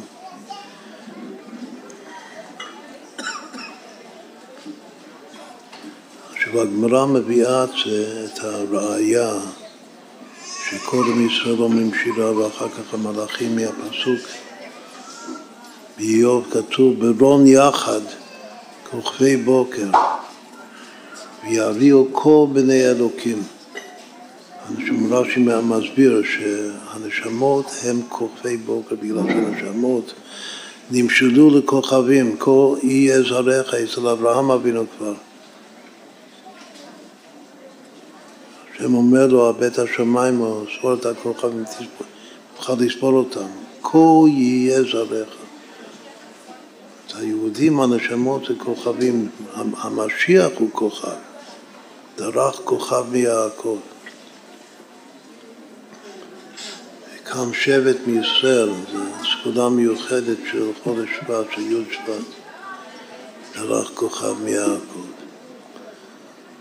אז כוכבי בוקר זה הנשמות, הביטוי כוכבי בוקר שווה חלק אלוקא ממעל. כל נשמה זה חלק אלוקא ממעל, זה כוכבי בוקר. שהוא כתוב ברון יחד כוכבי בוקר, יש עוד ניגון מאוד יפה על הפסוק הזה. רציתי שישמיעו את זה, אולי עדיין אפשר להשמיע את... את דדי עליו השלום שהוא שר את הברון יחד, כוכבי בוקר. יש פה אמרי. אפשר להשמיע את זה תכף. את דדי בן עמי שר את, ה... את הברון יחד, כוכבי בוקר, ויביאו כל בני אלוקים. זה הפסוק והדבר הזה שמובא בגמרא. הפסוק שמובא במדרש זה קידמו שרים אחר נוגנים, פסוק בתהילים, שאנחנו, הנשמות, אנחנו השרים, קידמו, והשרים קידמו אחר, מה הכוונה אחר? על פי פשט הייתי חושב שאחר הכוונה של נוגנים זה לפני השרים. אבל המדרש מפרש את זה הפוך, שקודם קידמו שרים, הם מקדמים, אחר אחריהם, אחר כך הנוגנים. מי הם הנוגנים? המלאכים. כך המדרש אומר. וגם הוא מפרש לפי זה, אז ישיר משה. מה זה אז ישיר משה? שאז השם אמר שקודם משה צריך לשיר ואחר כך המלאכים, מיד שהיה קריאת ים סוף המלאכים רצו לשיר קודם. השם היה צריך להשתיק אותם, חש, עד שמשה ובני ישראל ישירו. אז מה זה אז ישיר משה לפי המדרש? שאז שזה עלה בליבם של משה וישראל לשיר, שירה להשם, השם אומר למלאכים שטויה. לשתוק עד שישיר משה, ישיר, שהוא ישיר קודם, לפניכם. ואז זה באמת זה טוב לכם, זה טוב לכולם. שאז יהיה חוכמה ושכל וטעם. העיקר זה טעם, כמו טעמי המקרא. יטוב טעם ודעת בתוך הדברים שלכם. רש"י מביא עוד דוגמה, רש"י אומר לא בדיוק ככה, שוב לפי המדרש אז ישיר משה, זה שהשם אומר שמשה ישיר קודם. מה השאלה? למה כתוב ישיר משה? היה צריך להיות שר משה. זה, זה היה, זה עבר. מה זה ישיר? הפירוש שני רש"י מביא בשם המדרש שזה הרמז לתחיית המתים. הפירוש הראשון, שזה עיקר הפשט של רש"י, לפני שהוא אומר את הרמז הזה, שהוא אומר שהיו זה השם המחשבה שאז עלה בליבו לשיר. למה כתוב ישיר ולא שר? הוא לא סתם שר, הוא ישיר, הייתה לו התעוררות הכי פנימית לשיר, עלה בליבו לשיר.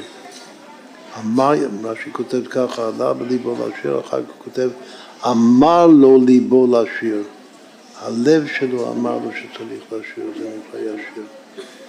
מזה הוא לומד שהיוד של ישיר זה המחשבה.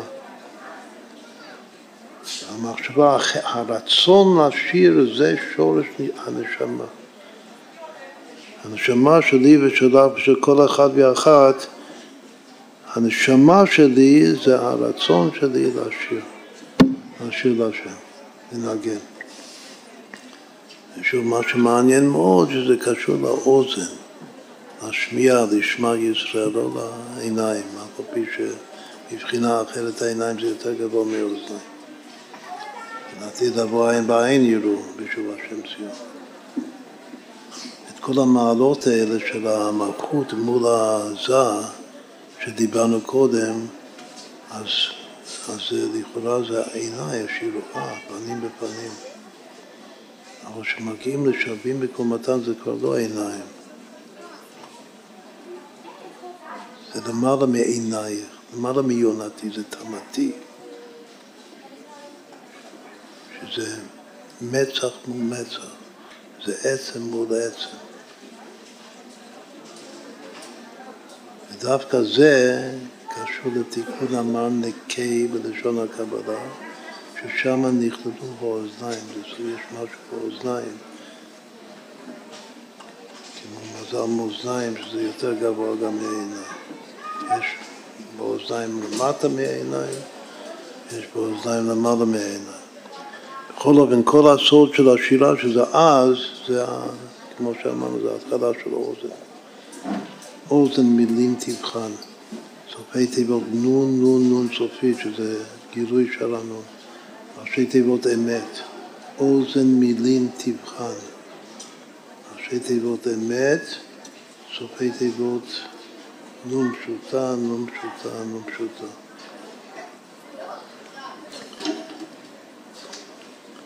כמה שווה הפסוק ברון יחד כוכבי בוקר, אמרנו שכוכבי בוקר זה חלק גדול ממעלה. ורק אחר כך ויריעו כל בני אלוקים, שזה בפירוש כל בני אלוקים זה המלאכים. כל הפסוק הזה שווה שלוש פעמים חשמל. עכשיו עיקר הסוד כאן זה סוד החשמל. איך הרבי הקודם מסביר למעלה עד אין קץ ולמטה עד אין תכלית? מסביר שלמעלה עד אין קץ זה העלם אחר העלם. עוד העלם ועוד העלם ועוד העלם. כלומר שהאור מסתלק. תוך כדי שהוא מסתלק הוא מתעלם. מה זה למטה עד אין תכלית? זה גילוי אחר גילוי. שהאור יורד ואומנם הוא מתמעט ומצטמצם, אבל בכל אופן הוא מגיע לכל מקום. למטה מטה עד אין תכלית. מה הפסוק העיקרי שלמעלה עד אין קץ ולמטה עד אין תכלית? אם אשק שמיים שמעת ויציע שאול הנקה כשאני עולה למעלה לשמיים, שזה למעלה מעלה, אתה עדיין רחוק ממני. אין קץ, שם אתה. ככה מוסבר.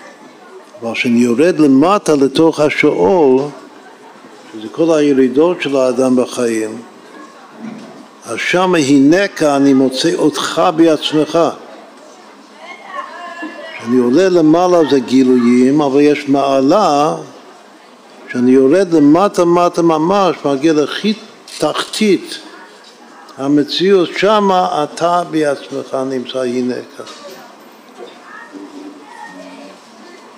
זה הפסוק העיקרי בתנ"ך שלמעלה עד אין קץ ולמטה עד אין תכלית. את קודם אמרנו שהאות זין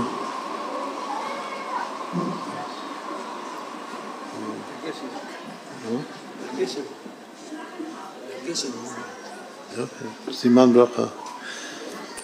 אמרנו שעוד זין, כשמסתכלים על זין צריך לחשוב אשת חיה לתת את בעלה. זה הציור של הזין. מה לגבי אות א', שזה אות הראשונה, הכל הולך אחר הפתיחה.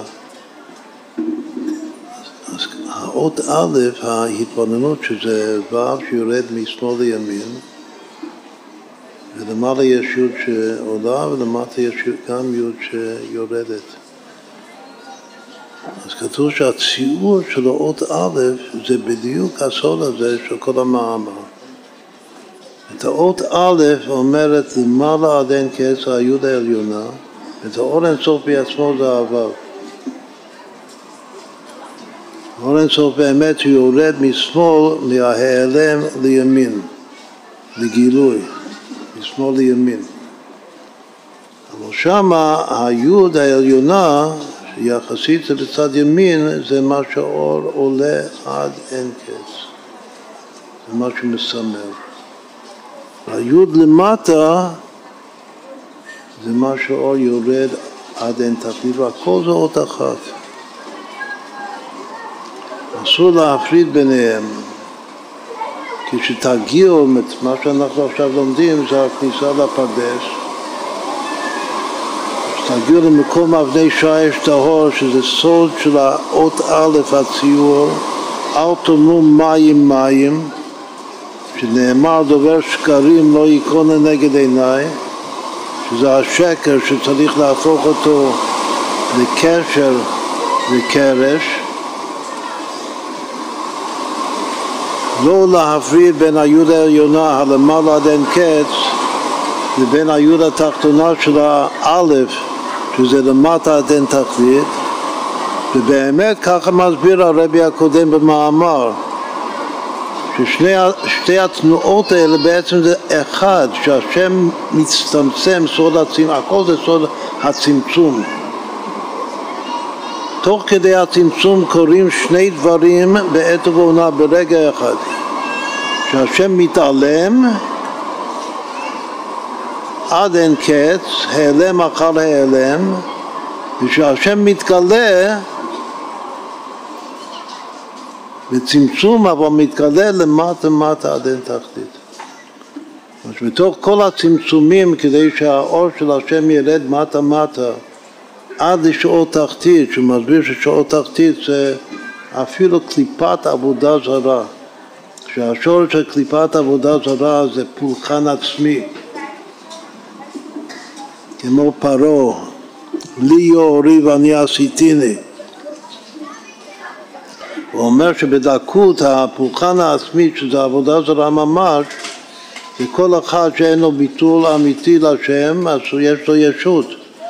וכל שכן וקו וחום, אם יש לו גסות רוח, זה התניא של היום בהשגחה פרטית. שגסות רוח זה עבודה זרה ממש. אבל גם שם השם מחיה אותו. גם שם בתוך הקליפה הזאת, שהוא מתנגד, מנגד לאלוקות, גם שם השם נמצא. אז ביחד, וכל ככל שהשם יורד מטה מטה, כך, כך הוא עולה מעלה מעלה. כלומר שזה בעצם זה דבר אחד, ההיעלם והגילוי זה דבר אחד לגמרי, אל תאמרו מים מים. זה הסוד של הציבור של האות הלאה, וזה סוד החשמל. ההיעלם זה החש, והגילוי זה העמל. יש בזה כמה וכמה פירושים, יש פירושים רק על המלאכים, מה שאמרנו קודם, שקודם חש עד שישראל יאמרו שירה, ואז יכולים לדבר קדוש, קדוש, קדוש, השם סרקות. להזכיר את השם אחרי שלוש מילים. כתוב שם בגמרא שהמיוחד, הגדולה של הנשמות ביחס למלאכים, שהנשמות מזכירים את שם השם אחרי שתי מילים, שמע ישראל השם. המלאכים רק אחרי שלוש מילים, קדוש, קדוש, קדוש השם.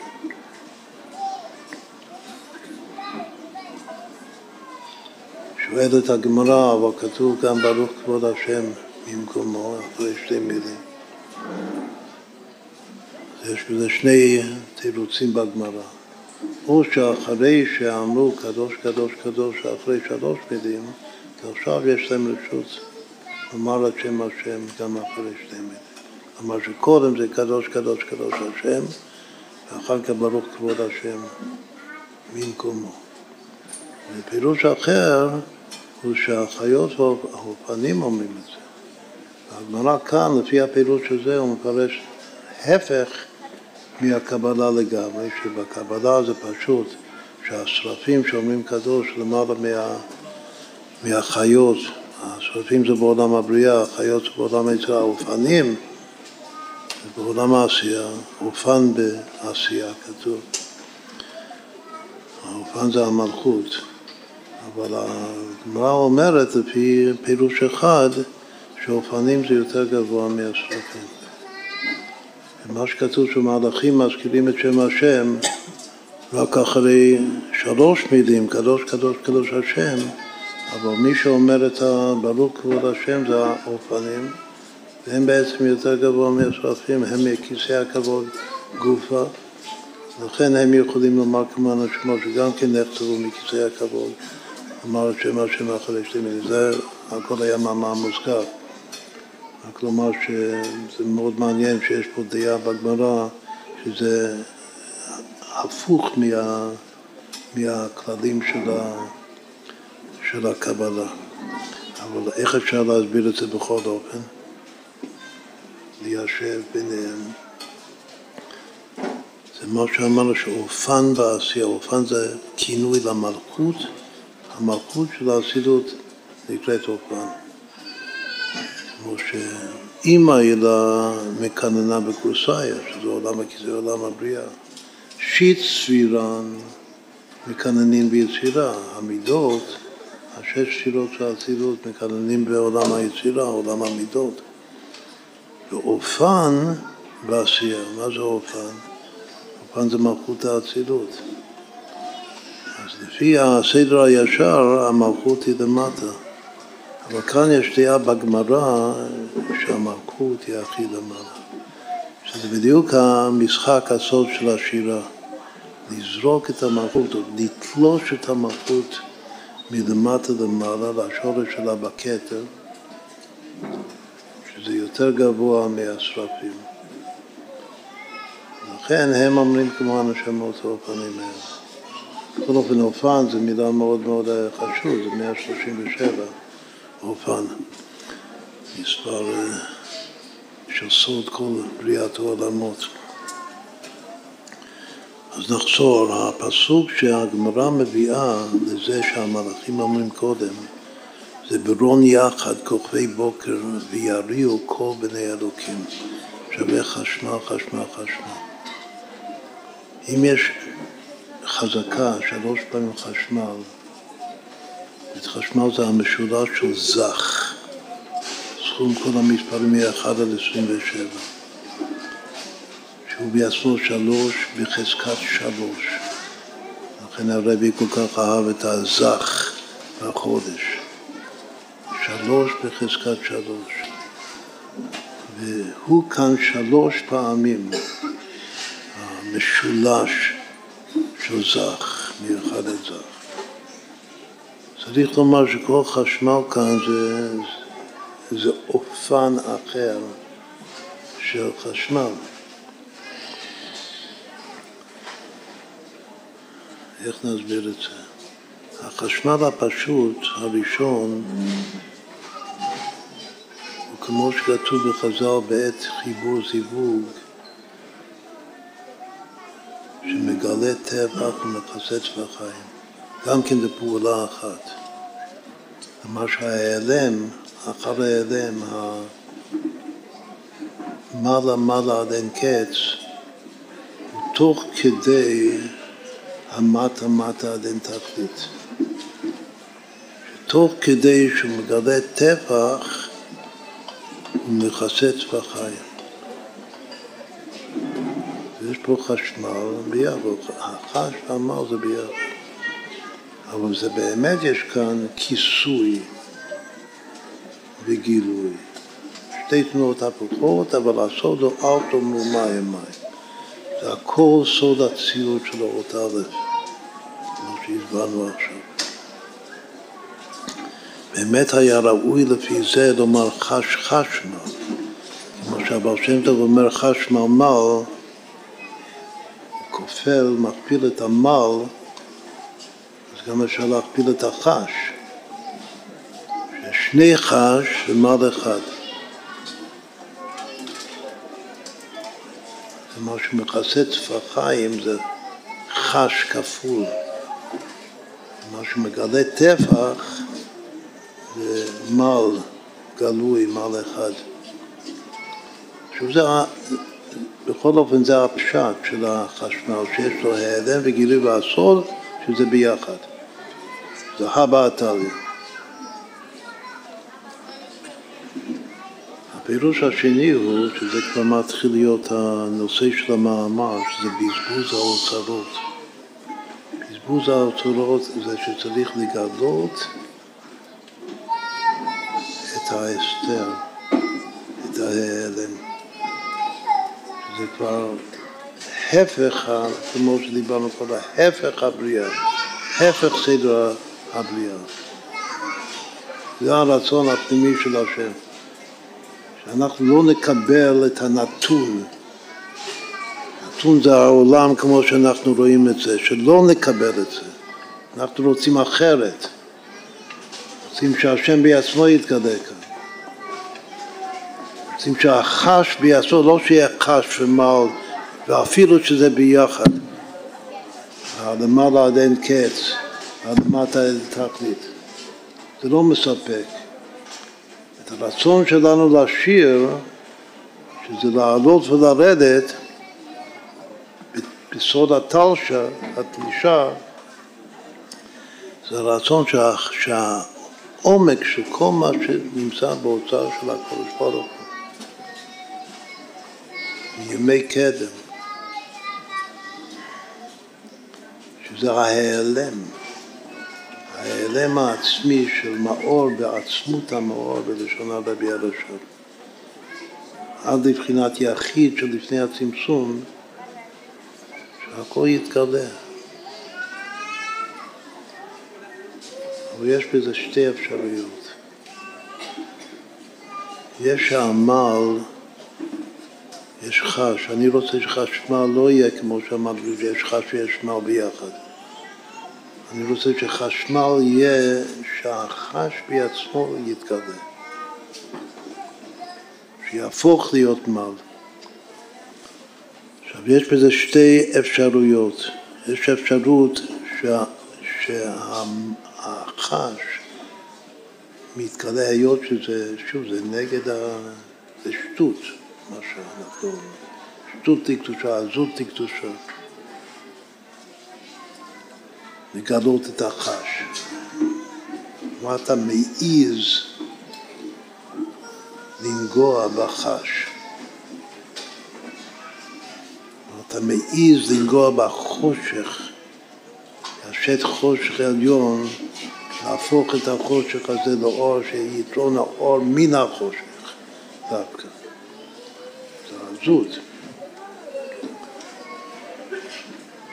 הגילוי שזה זה בעיקר מה ש... זה להיות חסיד. להיות לא חסיד זה להשאיר את זה כמו שהשם עשה את זה, שיש לך, שיש מה. מגלה טבח, מכסה. עכשיו, בסדר. אבל חסיד הוא לא מסתפק, הוא לא רוצה. חסיד הוא צריך לגלות את החש, לגלות את הסודות, כמו שהרבי אמצע אומר, אין יותר סודות, הכל על השולחן. שזה יהיה העמל. בכל אופן, יש בזה שתי אפשרויות. יש אפשרות לגלות בהדרגה. לגלות קצת, כל פעם עוד קצת, לגלות מתוך האוצרות. מתוך האוצר הבלום ביותר. בהדרגה, לא לשבור את הכלא. הלוואי שלא לשבור את הכלא. עצם הדבר שאתה נוגע בחש, זה כבר סכנה גדולה של תפילת כלים. כלומר שלא נהיה מסוגלים להכיל את האור הגדול הזה, את ה... להכיל את זה שאנחנו לא קיימים בעצם, שכולי קמי כולו חשוב. בסדר, לאט לאט, מי השילוח הולכים לאט, לגלות לאט לאט, זה אפשרות אחת. אפשרות שנייה זה פתאום יבוא אל היכלו האדום אשר אתם מבקשים. המשיח יבוא, שפתאום הכל מתגלה, הכל נשפך. שלכאורה זה שירת כלים בטוח, אבל, אבל קורה פלא ששום דבר לא נשפך, הכל נשאר שלם. פלא פלוי. ועמל ההתגלות זה פתאומי לגמרי, בבת אחת, שלא בהדרגה כלל וכלל. חשמל, שכל אחת, מה ההבדל בין שתי הבחינות האלה? אם הגילוי של החש הוא בהדרגה, מתוך התחשבות שלא לשבור את הכלים, אז הוא עד ולא עד בכלל. אף פעם לא ייגמר. אבל כשמדברים מאין סוף, אז אי אפשר בהדרגה לגלות את כל האין סוף. רק כל פעם עוד קצת ועוד קצת, אבל זה עד ולא עד בכלל.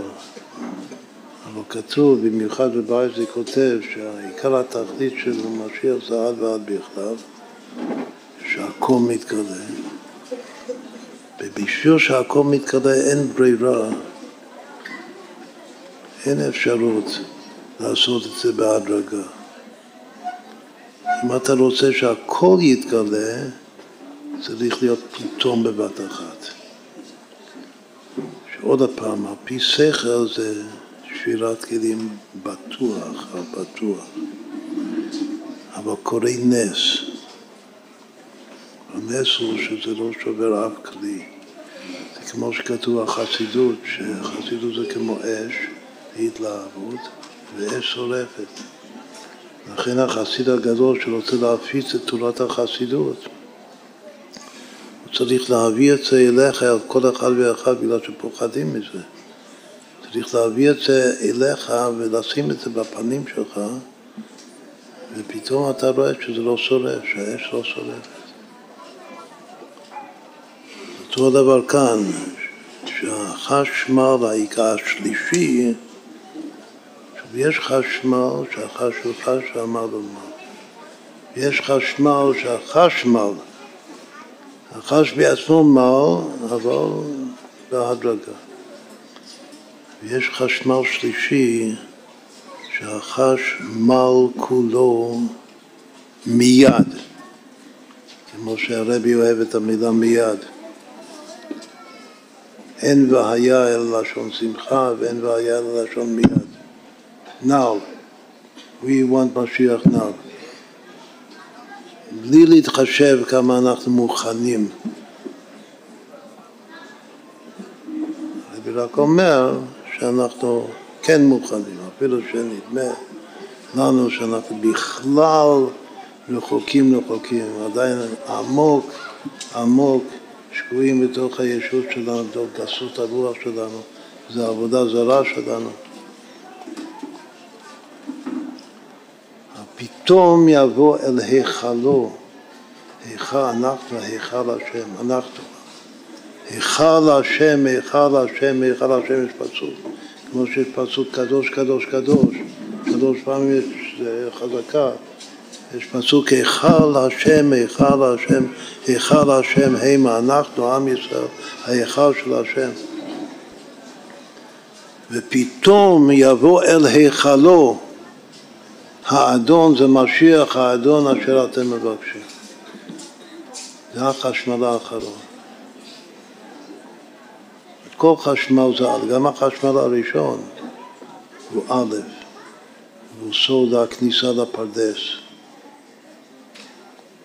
של אל תאמרו מים מים, לא להפריד ביניהם, כמו שאמרנו שזה ההסבר של כל המאמר. זה הכל סוד הצמצום. למטה מטה תכלית, למעלה מעלה עד אין קץ, היינו. כל שכן בקו החומר, שני החשמלים האחרים, זה הכל ביחד. אבל העיקר שנזכה שהשם יזכה אותנו למשיח נאו. משיח נאו זה היום המסוגל הזה של י' שבט, חל ביום רביעי כמו השנה הזאת, שזה שירת הים, אז יש שיר משה ובני ישראל, בתוך השירה יש עשר אזכרות של שם הוויה. האחרון ביניהם שהוא המלכות, של העשר האזכרות של שם הוויה זה השם ימלוך לעולם ועד. השם ימלוך לעולם ועד, כל הפסוק שווה שלום. מתחילת התורה השם ימלוך לעולם ועד הוא שם השם מספר 358. עד הפסוק הזה ועד בכלל יש 358 שמות הוויה בתורה. שם השם מספר משיח. והפסוק שווה שלום. השלום כאן זה שלום בין הפכים. שוב, זה נס. כמו כאן, שהחש ואמר, יש שלום ביניהם וגילוי ביניהם. וכל האוצרות בבת אחת יתגלו. הכל יישפך ברגע אחד. לא רק שזה לא יהרוס את המציאות, זה יתקן את המציאות. לחיים לחיים, שידענו המשך של י' שבט זה שמח. נסיים עם עוד שתי נקודות. קודם כל גיאומטריה מאוד יפה וגם פירוש אה, חדש. אמרנו שהפסוק שלמעלה עד אין קץ ולמטה אין תכלית זה אם אשק שמיים שם אתה ויציר שאול עינך.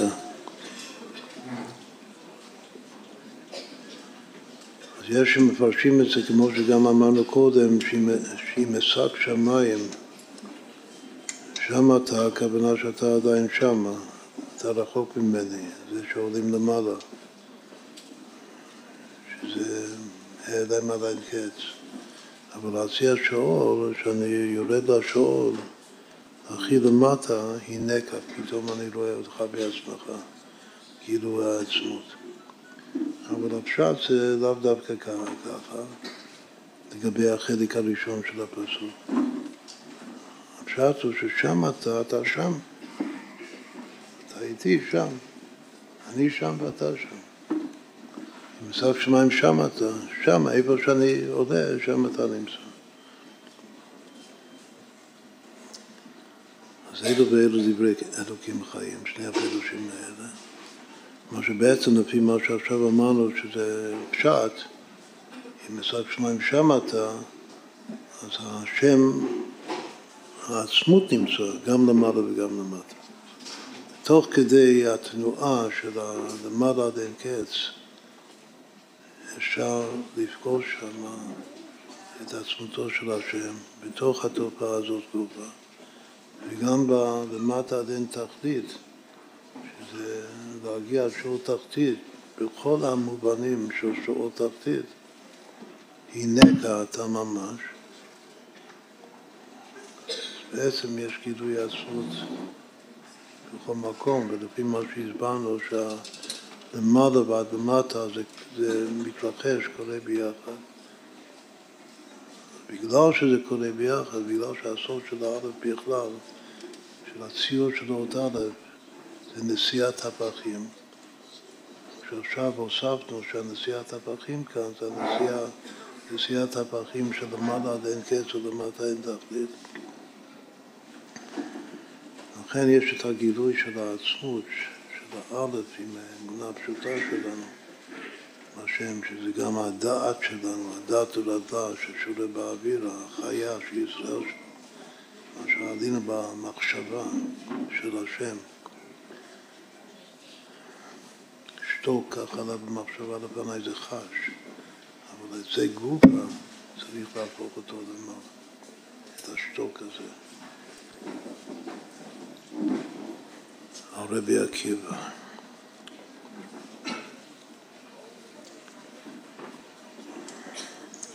מה מיוחד בפסוק הזה?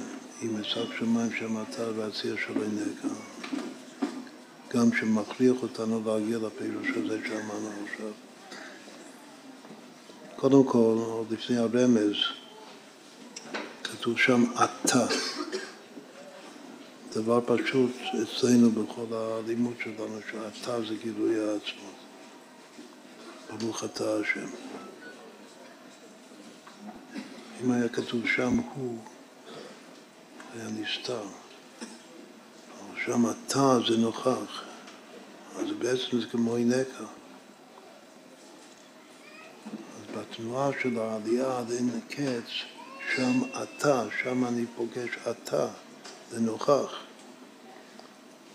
כשאני יורד מטה-מטה עד אין תחתית, זה שאור, שמה הינקה. יש פה שני אופנים של גידוי העצמות, או אתה או הינקה. אז זה כמה חשבונות, כמה זה אתה, את אתה זה שבע פעמים כוכבי, שבע פעמים חן, זה המשולש של כוח. אתה זה כל, כל המאמר של חשמל, זה כל המספרים מאחד עד עד זך, עד 27, אתה זה עוד אחד, מ-1 עד 20. המשולש של שמונה וגם כן שבע פעמים חן, אתה. הפסוק שלנו כוכבי שווה חן, כוכבי בוקר. כוכבי בוקר זה חן בוקר, זה הנשמות. והנקה זה 75, זה אותיות כהן. כאן. את הכהן יורד למטה מטה עד שור.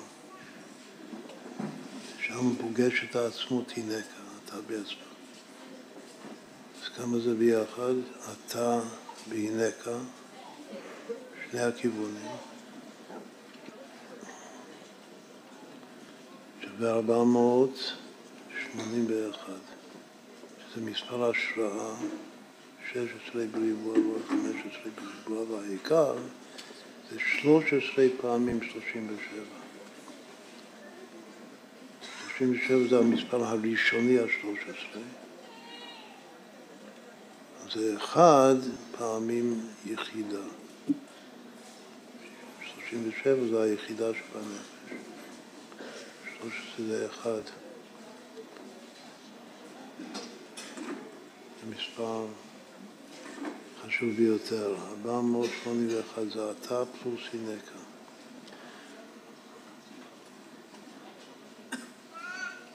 אם אשק שמיים שמעת ויציע שור הינקה. יש פה שני פעלים בפסוק הזה. אשק, כלפי מעלה, למעלה עד אין קץ אשק. אשק זה גם לשון מסקנה. אני מגיע למסקנה. אבל כתוב שעשו שזה איני יודע, שער הנון. החשמל שאנחנו מדברים עליו עכשיו זה גם את האיני יודע לדעת, שזה עסק שמיים.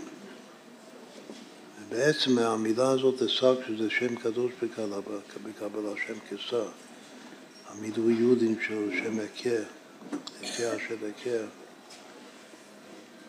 אם עושים את החשבון של כל הפסוק, אם אשק שמיים שם אתה, ויציע שולי נקע, אז למרבית הפלא זה יוצא זה פעמים אשק. כל הפסוק שווה 12 פעמים אשק, כלומר שאשק זה מילת המפתח כאן, הכל זה אשק. המסקנה שאני מגיע שזה עסק שלי, שבתחילה איני יודע, בגלל שזה שרנון, שאפילו אצל משה רבנו איני יודע, עד גילוי שרנון גם בזמן מתן תורה וגם בזמן ההסתלקות שלו. אז כשיבוא משיח זה יהיה כל הזמן, הגילוי, הדעת, כי מלא הארץ דעת השם המים המכסים, אותם מים שמשם משה רבנו, מן המים השיתיו. הוי כל צמא לכל המים, אנחנו צמאים לעצמות, זה גילוי העצמות של השם. בכל אופן, זה אמרתי מאוד מאוד חשובה, שהכל כאן זה עסק, כל הפסוק. שק זה כפולה של שבע, שק זה שבע פעמים עשרים ושלוש, חיה. קודם היה לנו שלושים ושבע, שזה הבן זוג הבת זוג. כמה שווה בעציע, אם אשק שמיים שמעת ויציע שאול הנה. ועציע. מי יכול לעשות את ה... רק המילה הזאת. עבר לו צדיק י"א.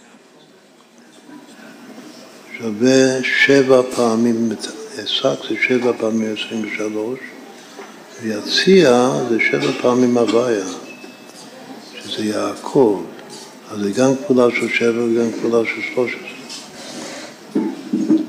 גם כן זוג, זוג הפעלים כאן. יש זוג הגילויים שזה אתה והנקה, מספר חשוב, שני הפעלים, גם זה הולך ביחד במספרים, עסק והציע. וכל הפסוק, זה עיקר הגרמטיה כאן, שכל הפסוק הזה שווה 12 פעמים, זה, זה כלי וינביר של שירת הים, זה פעמים עסק. כל זה השם הקדוש שזה עסק. טוב. כלומר שכל הפסוק זה כפולה של שבע. כפולה של שבע, כפולה של... של זה שבע פעמים, 12 פעמים 23. 12 פעמים 23 זה המשולש של 23. זה שבע פעמים המשולש של 23 הוא 276, גמרתי חיים נצחיים.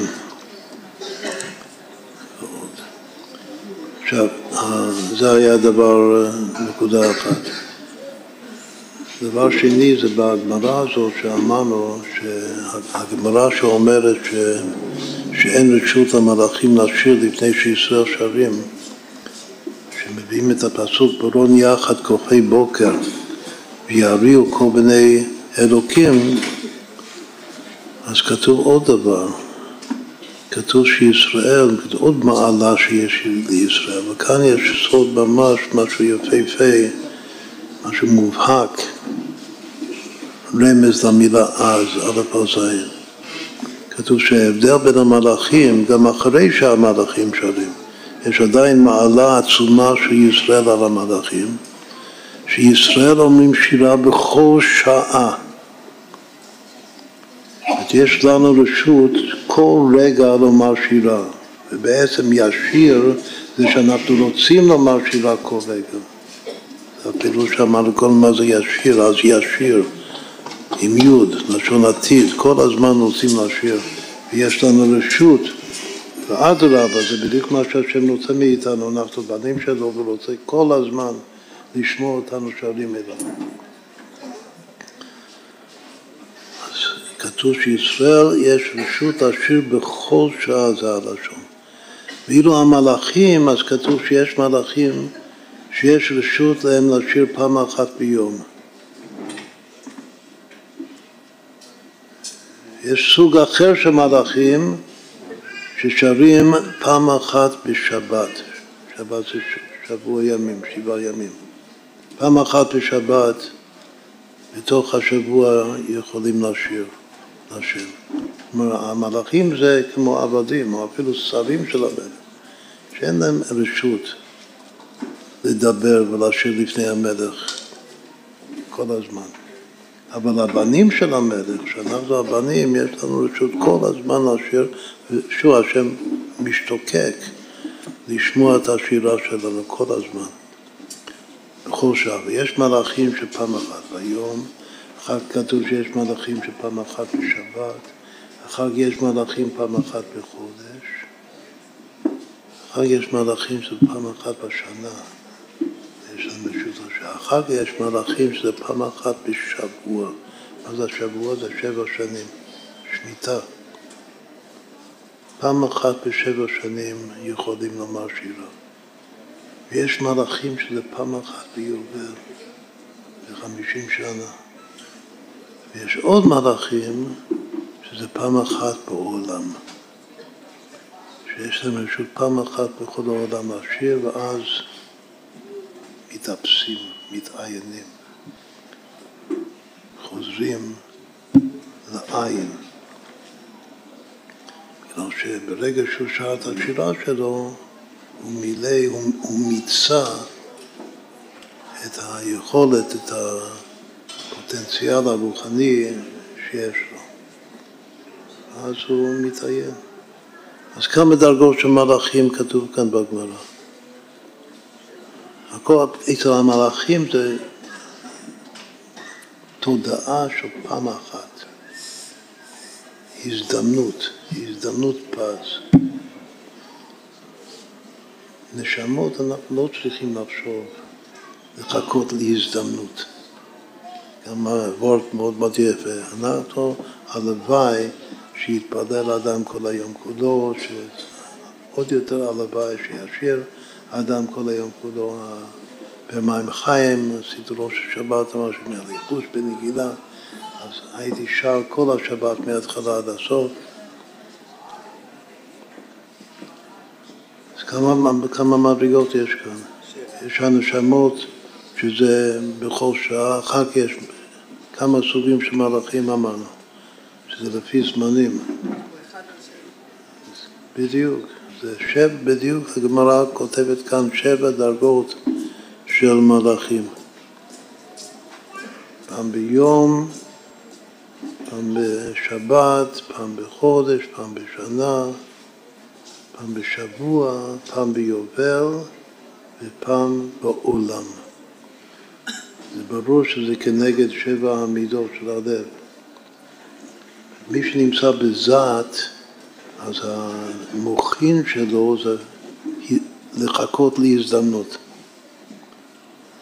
ככה הוא, זה מוחין דזת.